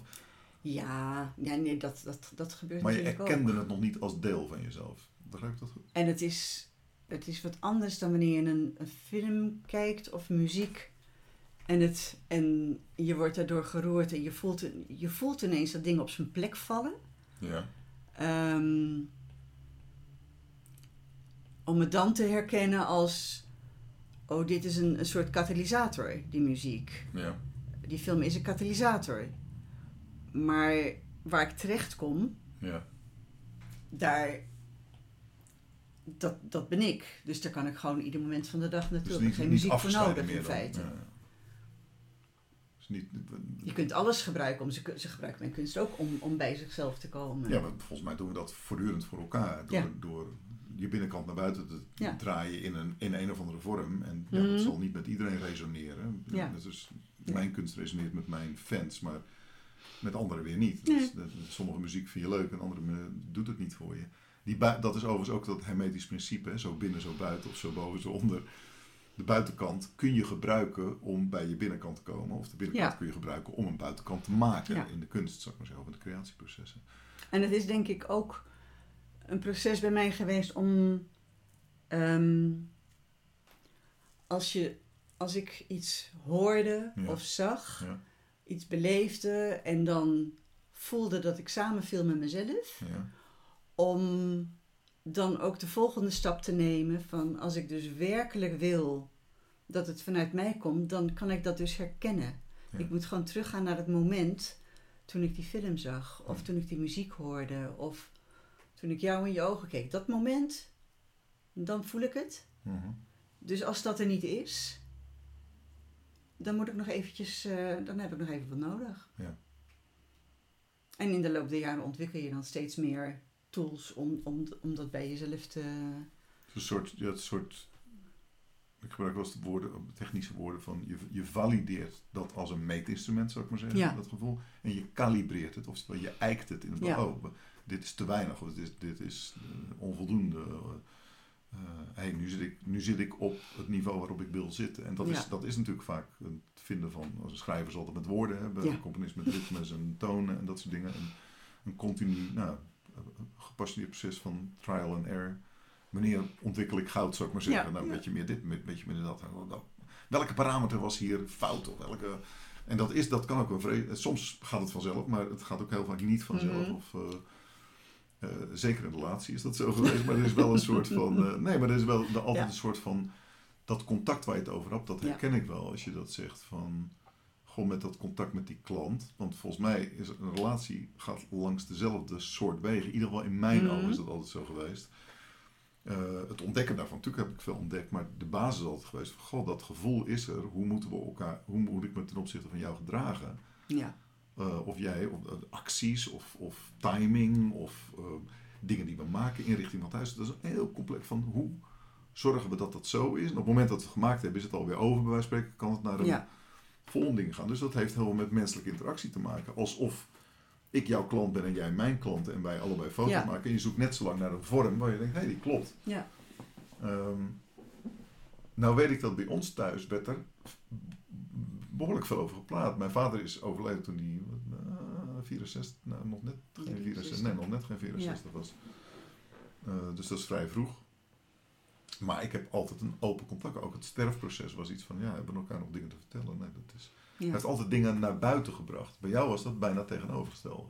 ja, nee, bij ons thuis werd er nergens over gepraat. Er werd letterlijk gezegd, als, als ik bijvoorbeeld met mijn moeder geknald had, Ja. Dan, eh, en ik was eh, woedend of huilend naar mijn kamer gelopen, dan kwam mijn vader en die zei dan, kom maar weer even in de kamer zitten en dan gaan we thee drinken en dan hebben we het nergens meer over. Het was, Ja. werd echt gewoon benoemd dat we het er niet over gingen hebben. Ja. Het was niet gewoon van we doen het tralala, nee, we gaan het er niet over hebben. Ja. ja, dat was waarschijnlijk goed bedoeld. Maar het, Heel lief het- bedoeld, tuurlijk. Ja, maar het nee. heeft ook iets van onderdrukking van dingen die wel degelijk Ja. aan de hand zijn. Dus Ja. het ontkennen van een realiteit die er is. Nee, je komt er dus ook niet achter wat er nou eigenlijk gebeurd is. Waardoor je volgende keer Nee. net zo hard tegenaan knalt. Want je, je weet het eigenlijk niet. Je weet dat je pijn gedaan hebt. En dat jij pijn gedaan werd. En dat, ja, maar hoe dat nou precies zat. Ja. En wat nou de bedoelingen van de ander waren, geen idee. Nee. Dat- heeft dat dan invloed ook op je... De, in feite is het reflectie, hè? Gewoon even erboven hangen. Jezelf afscheiden van jezelf, zou ik maar zeggen. Zeggen, nou, wat, wat deed ik nou eigenlijk? Waarom deed ik het? Ja, En dat is bij ons, ja, die filosofie is er wel vrij snel in. Ik, ik weet dat mijn vader op een gegeven moment, eh, ik denk dat ik 11, 12 was of zo. En hij merkte allerlei dingen aan me. En dat komt Hmm. omdat mijn vrienden eh, rookten. ja, En ik daar ook mee ben begonnen. Wel weinig over, maar, Mhm. maar wel, ja, het was stoer, weet ik veel wat. En dat hij dat merkte. En ik zie hem nog op mijn, eh, maak van je hart geen moordkuil. Dat, dat is een, dat Ja. ja. Wat is er aan de hand? Nou, dit en dat is ook. Nou, dan mocht je één per dag. Wat Ja. ik natuurlijk interpreteerde als, nou, dan doe ik drie keer één per dag of vier keer één per dag, weet je wel. Maar is nog steeds, jij gaat tegen jezelf liegen, sjoemel. Eh, maar het is wel het, het belangrijke deel wat ik later pas ontdekte, is, t- het- ik, eh, op lagere school, ook toneel gedaan, middelbare school ook, maar op de, tijdens de studie heb ik ook eh, veel geacteerd. En in een van die lezingen ging het over Frank, Frank Wedekiens eh, voorjaarsontwaken. En dat ging dus over, letterlijk, het, het ont- seksualiteit en het ontstaan van seksualiteit bij kinderen. Ehm, en toen hadden we een lezing in Casticum, in, bij, volgens mij bij de padvinders. Hm. Scout, scouting. Dus we hadden zo'n blokhut afgehuurd en zo. En dan hadden we een lezing, table read. En op een gegeven moment zei de regisseuse, eh Jelleke Hoorda, goh, vertel eens, wie heeft er hier voorlichting gehad? Dus ik enthousiast, ja, ja, ja, mijn vader heeft erover gepraat. Dus, en toen keek ik om me heen, niemand die zijn Nee. vinger op stak. En toen was voor mij al het eerste, Ja. oh, wacht even. Ja. En nog steeds, want dan word je ook iets van, er zit ook een soort van oordeel zat er voor mij. Nou zeg, Mhm. maar ook een schrik in. En die schrik was waarschijnlijk echter dan het oordeel. Het oordeel is misschien een verdedigingsmechanisme van potverdorie. In plaats van, oh fuck. Dat is dus Ja. iets wat niet bij iedereen gebeurt. Je kunt niet allemaal je, van je hart geen moordkuil maken, bij wijze van spreken. En ik heb pas, ja, stupide natuurlijk, maar, maar of een trage leerling zal heel veel later pas kunnen herkennen wat dat betekent. Als dat niet in je gewoonte zit. Als dat gewoon het kijken naar jezelf en Ja. je kans geven. Nou, vandaag ging het eh, helemaal niet goed. Morgen kan het beter gaan. Hoe Ja. rustig wij daar blijkbaar van. Nou, het is, eigenlijk geeft het altijd een soort opening. Van nou ja, als het vandaag niet lukt, dan betekent niet dat het over is. Maar dat betekent dat we morgen de kans hebben om wat anders te doen. Dus dat, en, en zeker met mijn bezetenheid al vanaf mijn vijfde. Van, dat heb ik in die origin story verteld. Hoe mijn Oh ja, vader zich ja, letterlijk liet, eh, verdwijnen. En, en oh, toen opende zich iets waardoor ik me los kon maken van mezelf. Naar mezelf kon kijken. En dat wil niet zeggen dat het makkelijker is dan anderen, maar het is altijd wel de hoop. En, en bijna de zekerheid ook. Van ja, dan ga, ga ik het dus veranderen. Ga ik het beter doen. Daarmee raak ik mezelf niet kwijt als kern. Daarmee raak ik misschien een beetje gedrag kwijt. Of misschien een bepaalde manier van denken. Omdat die gewoon niet werkt. Net alsof je foto's maakt. Maar als je dat niet hebt gehad, heb ik door jou mm, leren kennen. En daar hebben we ook wel... Ik herinner me dat we de eerste vijf jaar echt hebben moeten leren ruzie maken. Dat jij- Oh ja, ja. Om, om, om, want het proces wat je beschrijft, van dat je dan naar jezelf kijkt, dat deed ik van binnen wel een beetje. Mhm. Maar eh, tot- ik een jaar of acht, negen was, denk ik, ja, zoiets, eh, ging dat altijd nog via, via de godsdienst. Ja. God keek naar mij. Ja, ja, ja. En dat werd vanaf mijn negende steeds minder. Maar het heeft altijd wel diep ingezeten. En eigenlijk ook op die fotoacademie. Dus iemand anders mij toestemming Ja. geeft voor iets Oh ja, beetje. Ja, wat hij bij mij herkent. Ja. En dan valt het kwartje bij mij. Dus ik herken het dan ook wel. Maar dat, dat is niet een proces geweest wat ik ehm, zelf opgepakt heb door er steeds maar weer naar te kijken, door het erover Nee. over te hebben. Omdat wat ik, wat ik geleerd heb met het ruzie maken ook, dat je, dan hoor je de ander, je hoort de andere kant. Ja. En niet alleen maar je eigen multimedia show, zoals jij dat noemt. Niet alleen maar mijn eigen kant Ja. en waar ik allemaal pijn heb en wat ik allemaal vreselijk Ja. vind en wat allemaal heel erg is. Maar dat de andere kant er ook van alles nog wat gebeurt. Ja, en dat daar een dynamiek door. Maar mijn moeder heeft dat heel nadrukkelijk. En dat is, daar zit ook een frustrerende kant aan. Want als ik ruzie had op school, ik kwam thuis. ik wel 14, 15 jaar of zo. Maar ik zat in Rotterdam op school, Marnix-gymnasium. En eh, ik kwam thuis. Het allereerste wat zij zei is: Kun je die andere kant voorstellen? Maar hij heeft ook een beetje. Maar ik dacht, je kiest nu partij. Ik wil eerst gewoon weten dat ik gelijk wat. Nee, die andere is Ja. een klootzak. Ja. En, eh, en- Ik, her- ik herken dit van die keer dat ik op een gegeven moment ehm, midden in een ruzie met jou. En dat jij iets heel verstandigs zei of wat dan ook. Ja. En dat ik toen alleen maar ik ben net op stoom. Laat mij even, ja. uit tieren. Ja, Dan ga ik straks wel weer nadenken, maar ga ik met jou rekening houden. Maar Maar de waarde, uiteindelijk natuurlijk, even, als je dat eraf trekt, oké, eh, stoom maar even uit en eh scheld de wereld. Maar er zit wel iets van, oh wacht even, ik, ik, ik kan me een voorstelling maken van die andere Ja. kant. Ehm, en, en dat betekent ook dat je zelfs op een, niet alleen kunt reflecteren op wat je doet, maar ook op wat je denkt en wat je voelt, Ja. nog een hogere vorm is. Plus op de dynamiek die tussen jou en de ander ontstaat. Alsof je twee kleuren mengt. Denkt, oh, dat heb ik alleen met die persoon. Waarom die me irriteert, ja, dat zal waarschijnlijk ook iets over mij zeggen. ja, En dan komt nog weer een volgende laag, namelijk, en wat wil ik hier dan mee? En dat is de insteek van, goh, wat wil ik dat deze relatie is? En als je het dan hebt over je kunst en je hebt visioenen, eh, je wordt stil of, je, je, of je, je laat je inspireren of wat dan ook, dan komen er beelden boven. Die Ja. neem je dan serieus. Nou, dat heb ik ook op levensniveau. In de zin van, oké, dat ik wil deze gebeurtenis laten voorkomen of deel laten Mhm. uitmaken van een relatie. Noem het ook wel herinneringen van de toekomst, zeg maar. Oké, Ja. ik zie een visioen. Laten we proberen om dat waar te maken. Laten we experimenteren. Ehm, en dat kan over vakantie gaan, maar ook over seksualiteit bijvoorbeeld. Ja. En daarin hebben we een hele lange geschiedenis achter de rug, waar je eigenlijk je nooit bezwaar hebt gehad daartegen, maar van harte meedoen in de zin van zelf ideeën aandragen. Je deed van harte Mhm. mee, maar met mijn spelletje en met Ja. mijn spelregels, terwijl ik heel veel behoefte had aan. En ik heb heel lang dat, dat gevoel gehad dat er toestemming moest zijn. Dus die toestemming is er als een ander komt met een voorstel. Ja, Dan is de toestemming er. oké, oh ja, ja dat, dat zit op hetzelfde niveau. Ja, en als het komt van iemand die ik volledig vertrouw, is het helemaal simpel. Dan, Ja. dan is het dus één op één. Jij stelt iets voor en ik vertrouw jou. En tegelijkertijd geef je ook gewoon toestemming Ja, voor mij om daar enthousiast over dat te het oké zijn. is. Dus je, je, je vertrouwt, ja, dat kan natuurlijk ook, en dat, dat zie je in bedrijven ook, dat de, het vertrouwen niet persoonlijk aanwezig is, maar via de managers verloopt of zo. Ja. Of via de, oké, als, jij, de, nou, dan ga ik wel met je mee en dan werk je ook van harte mee. Eh, ik vind er overigens niks mis mee, maar er wordt natuurlijk heel vaak aan iedereen individueel gevraagd om dat te doen. Terwijl in een team, ja, de, bij de ene zal de ene eh, het meeste vertrouwen hebben en de rest gaat mee. Ja. Bij de andere actie heeft de ander meer vertrouwen, dan gaat de ander mee. Weet je wel, met de, als je financiële analyses maakt, nou ja, er is iemand die daar verstand van heeft en daar ga je in mee, want je vertrouwt dat. Ja. En de ander zegt, nou, operationeel ben ik een stukje beter, of qua planning ben ik een stukje beter, of qua communicatie en team. Dus daar is op zich weinig mis mee. In een relatie heb ik, eh, nou, dat, dat is ook wat, ik ben er lang op uit geweest van, goh, je moet daar gelijkwaardig in zijn, in de zin van, nou, dat is bijna een soort part-time fascisme. Gelijkwaardig betekent dan, je moet het wel op dezelfde manier als ik doen. Nou, daar was ik heel goed in. Nou ja, da- daar hebben we de nodige Ja. bonje over gehad natuurlijk. Ja. Een onbegrip ook van, van hoe, waarom praat je niet dezelfde taal? Een van de allereerste ontdekkingen die ik deed, ik denk de eerste, dat was ook in de eerste vijf jaar gebeurd. Oh, jij spreekt gewoon een hele andere taal dan ik. In Ja. de zin van, jij, jou, voor jou is een gebaar, heeft veelzeggingskracht. Ik ben een verbaal kanon. heel veel woorden nodig. Ja. Ja. En ik vind woorden ook leuk. Ja. En ik vind, ik vind praten leuk. En ik vind, ehm, maar dat was bij jou niet zo. Dus dat was, dat was een eerste ontdekking. Maar qua seksualiteit is er ook een dynamiek die ik nu zou uitdrukken van... Oh, dat is de yang en de yin kant daarvan. Zal ik Ja. maar zeggen. De, de meer dominante kant.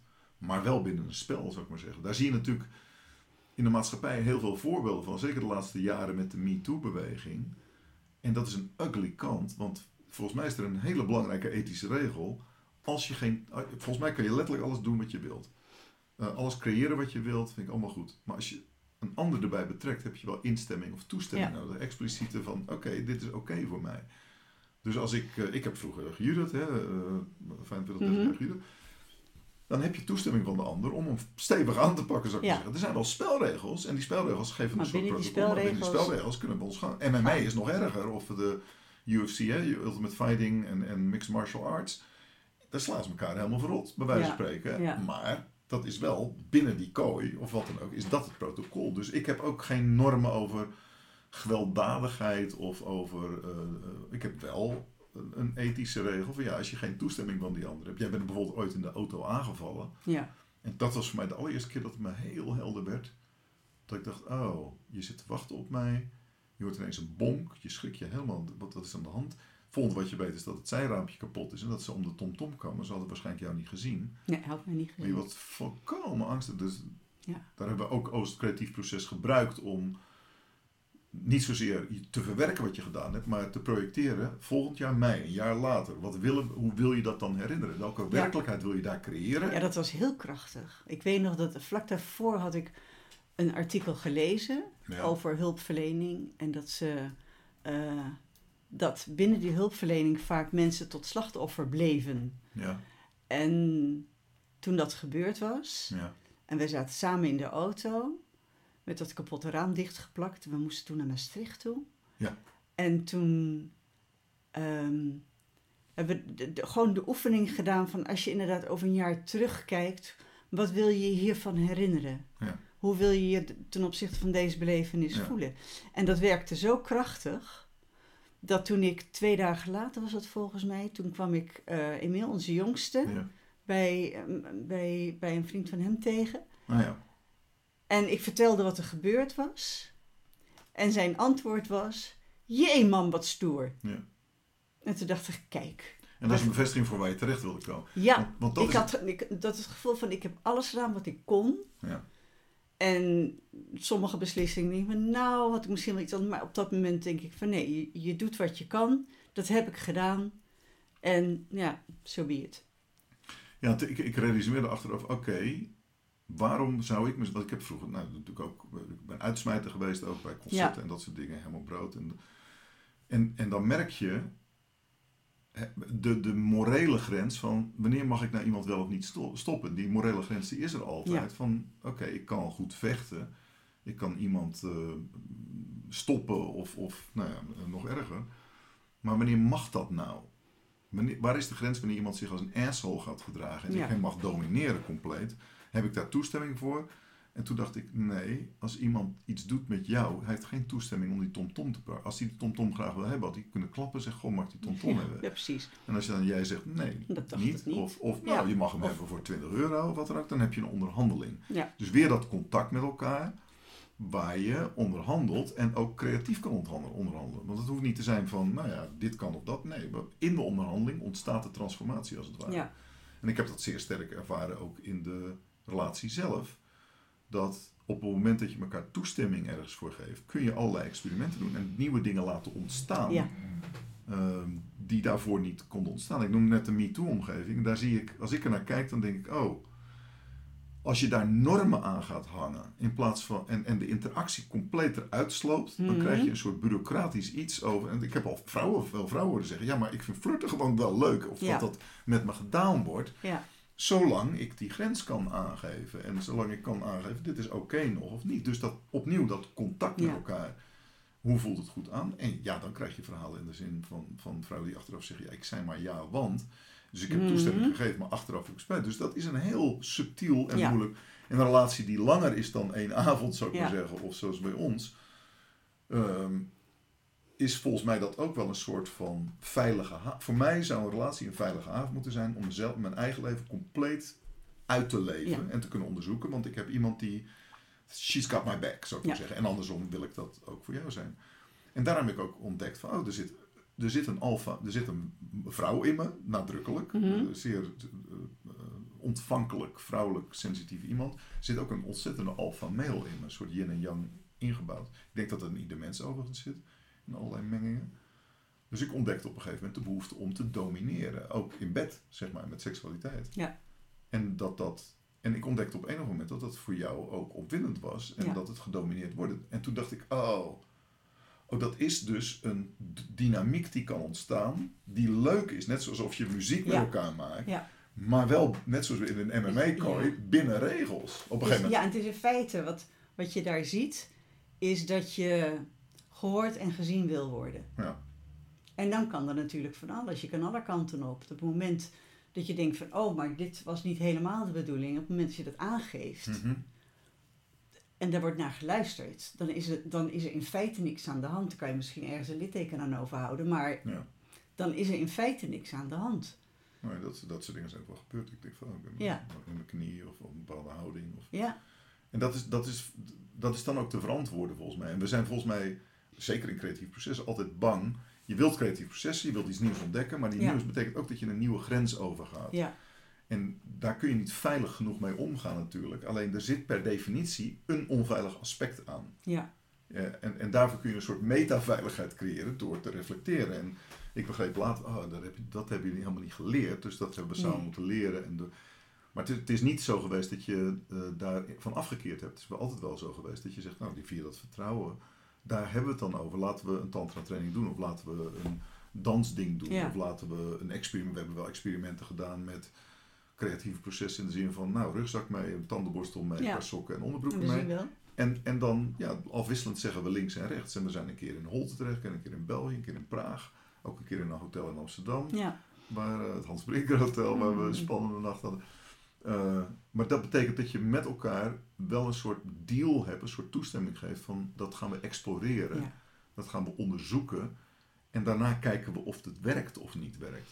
ja, Dus dat, en ik ontdekte op enig moment met, met eh, dat dominantie-subdominantiespel van, oh, oh, hier ervaar ik wat yin en yang echt betekent. Het Taoïsme van het leven, zal ik maar zeggen, Mhm. is, ik kan dat niet doen als jij mij geen toestemming geeft. Eigenlijk Ja. ben jij hier dominant, terwijl ik domineer bij wijze van spreken. Ja. Of andersom, want we zijn, we zijn allebei daarin switches, Ja. zal ik maar zeggen.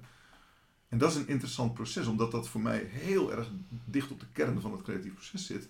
En om op de hermetica terug te komen, die hermetische filosofie, als je de Kybalion leest, dat is Ki, K, Y, B, A, L, I, E, I, O, N, Kybalion, Kybalion, dan staan daar de zeven principes van, het, eh, van de hermetica op. Mhm. En dat gaat over die polariteit. Alles heeft een ritme, een, voor, een, een heengaan en een teruggaan. Alles heeft een mannelijke en een vrouwelijke kant. Alles heeft een, ehm, een boven- en een onder, bij wijze van spreken. Er staan heel van die, eh, z- zes Mhm. van die dingen eh, in. En de centrumprincipe, eigenlijk het allereerste principe is all is mental. Alles is eigenlijk energie.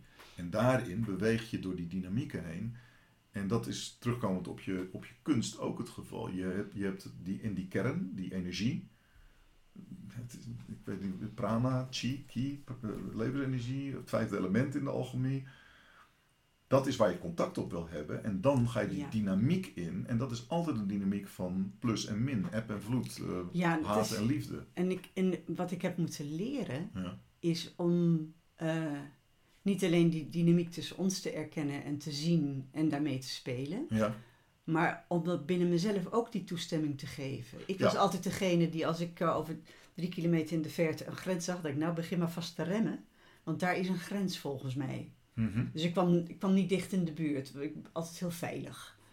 En jij was juist degene, ik geloof dat daar aan een grens. Ik ben heel benieuwd wat er aan de andere kant Ja. is. En jij denderde daar overheen. Ja, klopt. En ik heb, ik heb me bij jou kunnen voegen om dat te ervaren. En, en later mezelf toestemming kunnen geven. Oh, dan ga je dus gewoon over die grens heen. Ja. Want erkent gewoon dat je, je hebt jezelf bij je. En als je denkt van, oh, dat wou ik toch niet. Dan weet je, ga ik weer terug. Ja. Doe ik een stapje terug. Nou, dat is wel, het, het- als je kijkt over die tientallen jaren heen, dan is dat dominatie, subdominatie, is veel subtieler geworden, omdat ik het ook geïntegreerd heb. Van, oh, ik heb het niet meer nodig. Het was een manier om in seksualiteit dingen te ontdekken over Ja. jezelf.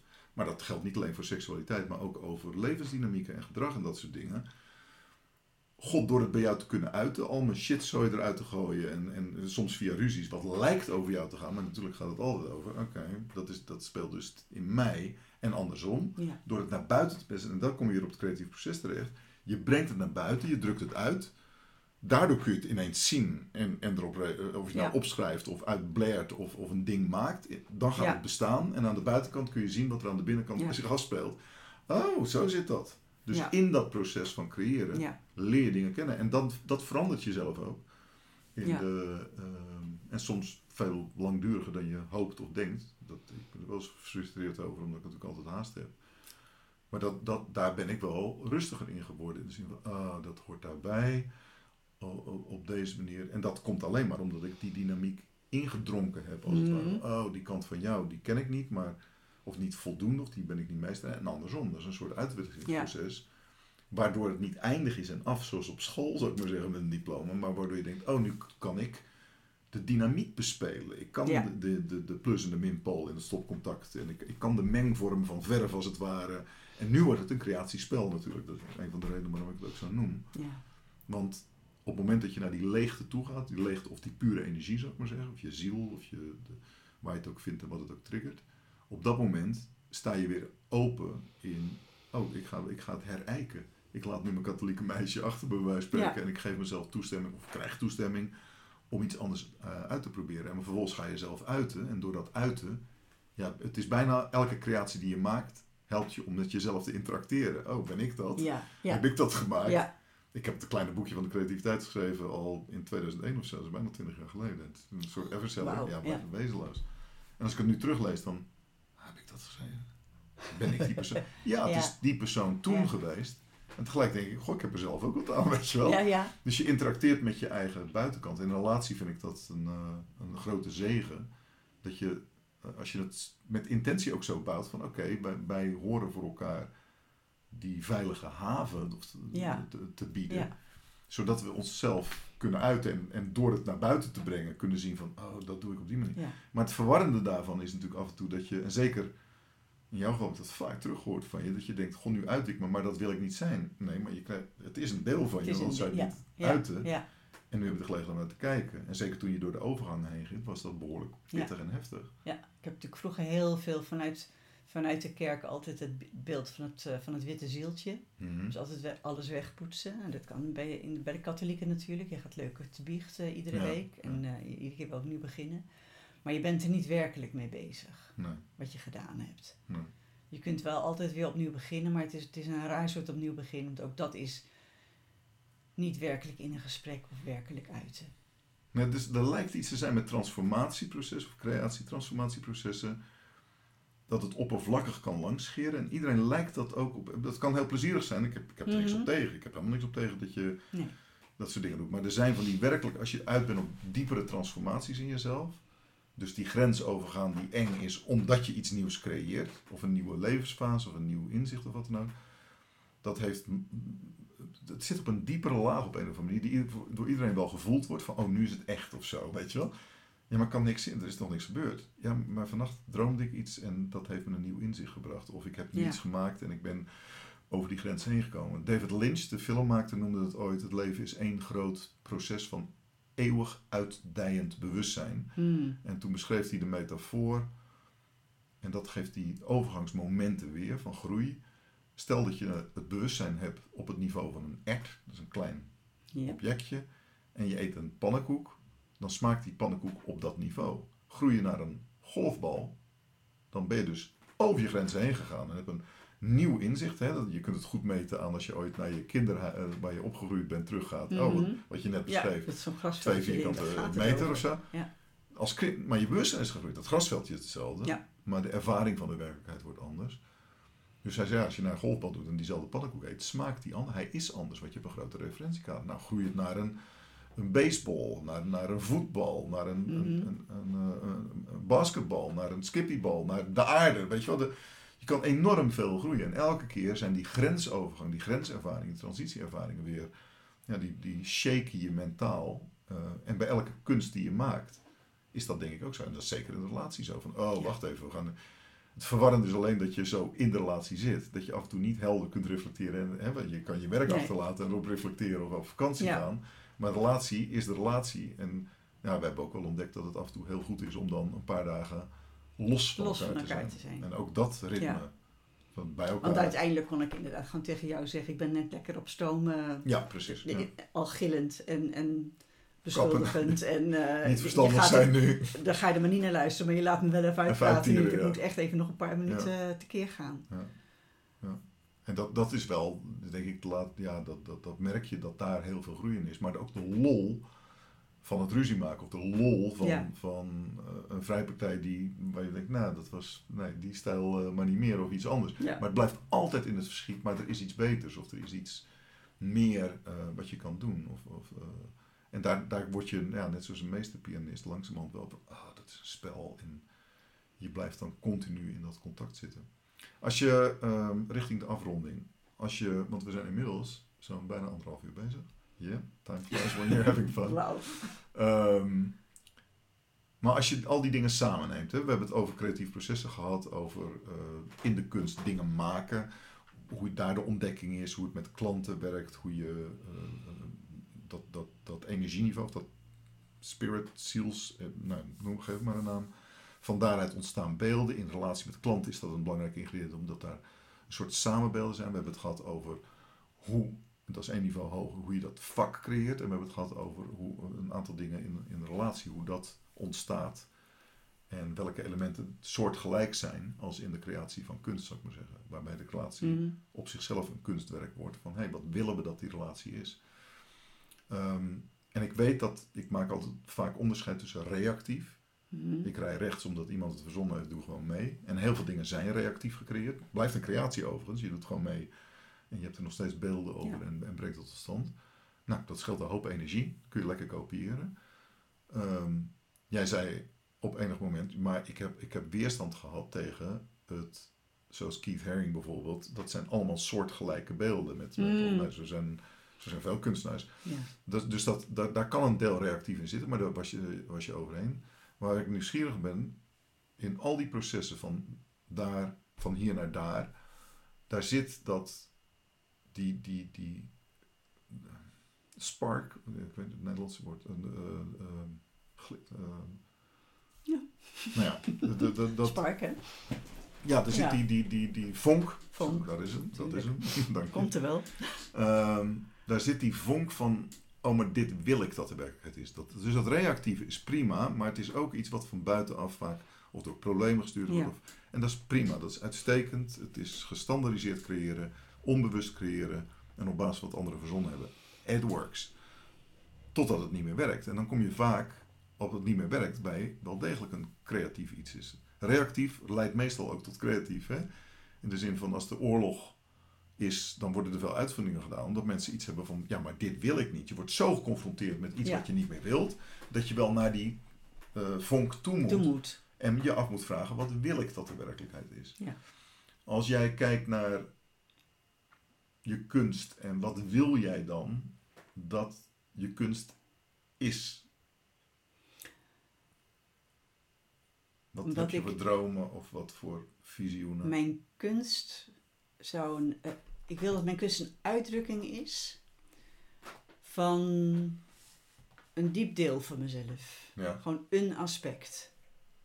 Ik heb ook wel momenten gehad dat ik dacht, nou, dit is hem dan. Maar het, het is altijd een aspect. Het gaat over eh, een deel van mezelf. ja, En waar ik bijvoorbeeld op de kunstacademie van die docent, eh, op de fotoacademie, zei van, dit heb je niet nodig bij het beeld, dat heb je niet nodig bij het beeld. Ehm, om dat zo, zo zuiver mogelijk te doen, met zo weinig mogelijk ruis erin.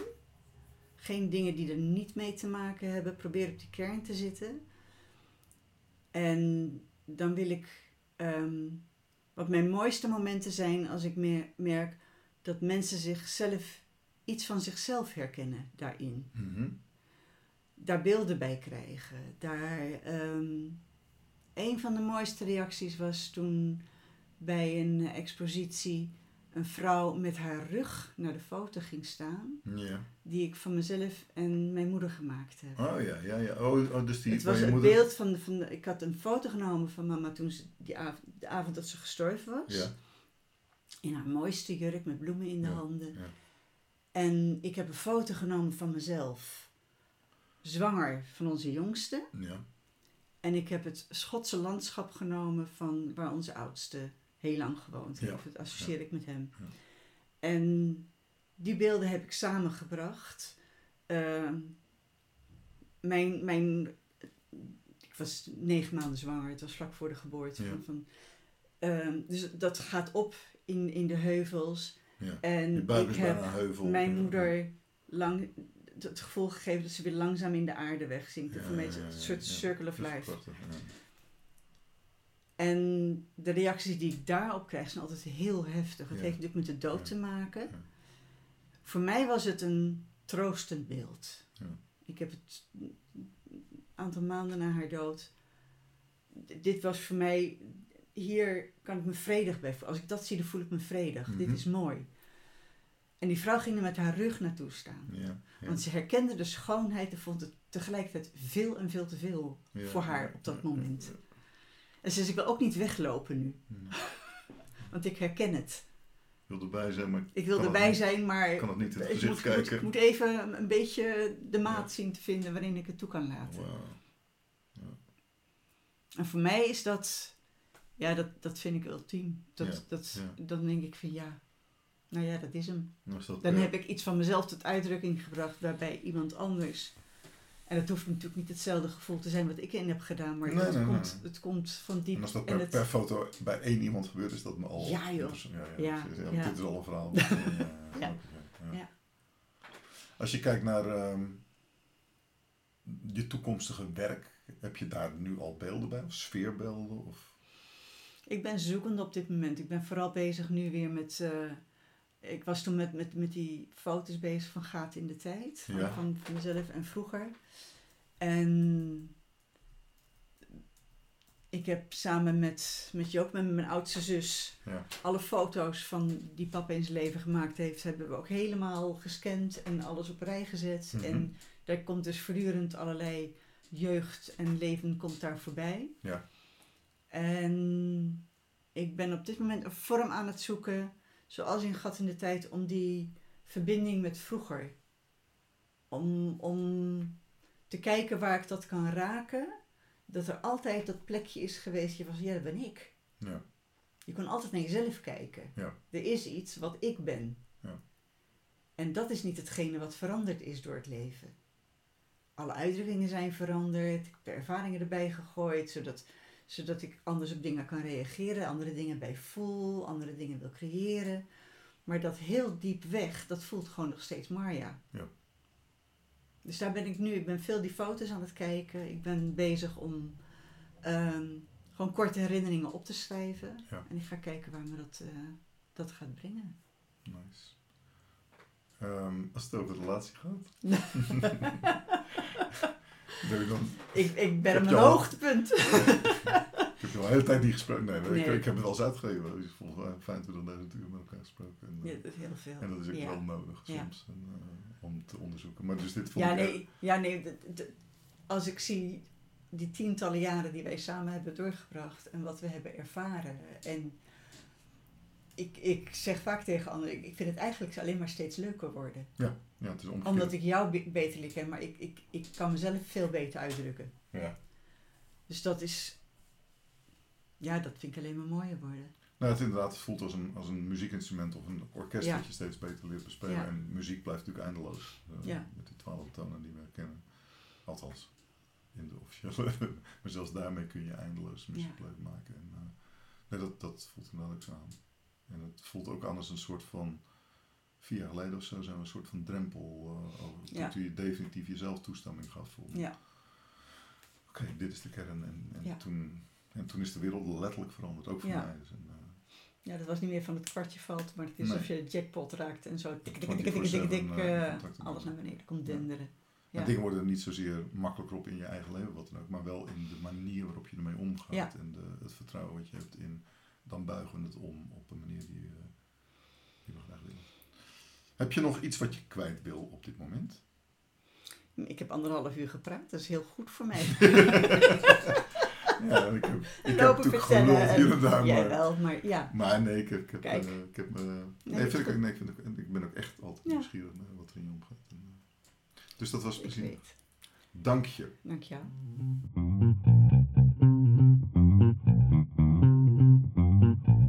Dat was erg leuk om te doen. Het is in de interviewpositie ineens. Oh, ik zit naast een kunstenares en die maakt dingen die ik niet ken. Althans, zo stel ik me dan meestal op van goh. Als ik je werk zou bekijken als vreemde, wat zou ik er dan van vinden? Wat zou ik erbij voelen? Wat, wat, welk gesprek zou ik met je aangaan? En eh, dat soort spelletjes hebben we heel veel gespeeld. Dat, dat, dat noemen we ons holodeck. Eh, holodeck is een term uit Star Trek. Dat is een soort driedimensionale virtuele ruimte.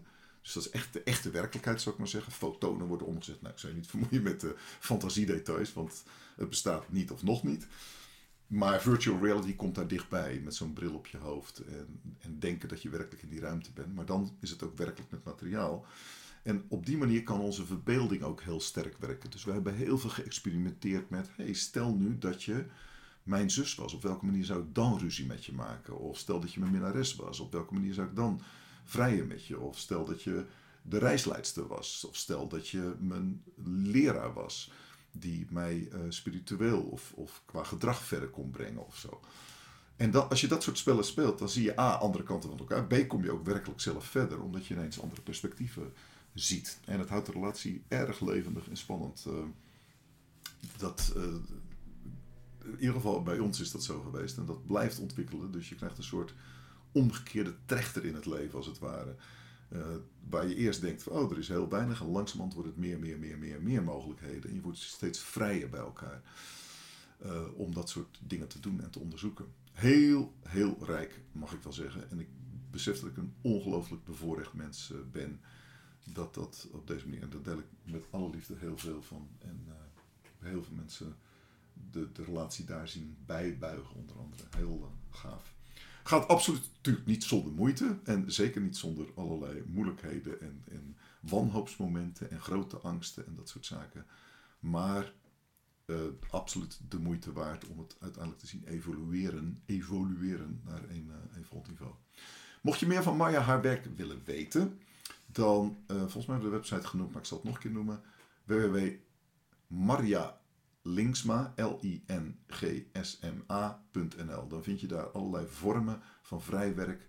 Ze werkt ook vaak in opdracht eh, voor mensen die zeggen, goh, maak een gezinsfoto of uh, laat dat een opdracht voor kleinkinderen. En die ze dan, nou ja, daar kan ik niks over, dat is een privé, maar dat, dan mengt ze allerlei dingen waardoor ineens het niet gewoon de portretfoto komt met jongens, say cheese en lachen.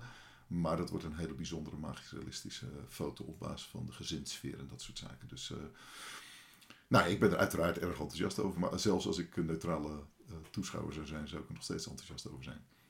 Bedankt voor het luisteren.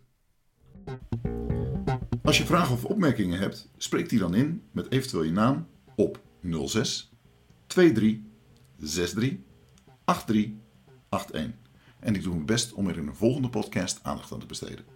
Wil je meer weten over inspiratieshows en de Creation Game training en begeleiding? Ga dan naar georgeparker.nl. Heb het goed deze week in de wereld tussen verbeelding en realiteit.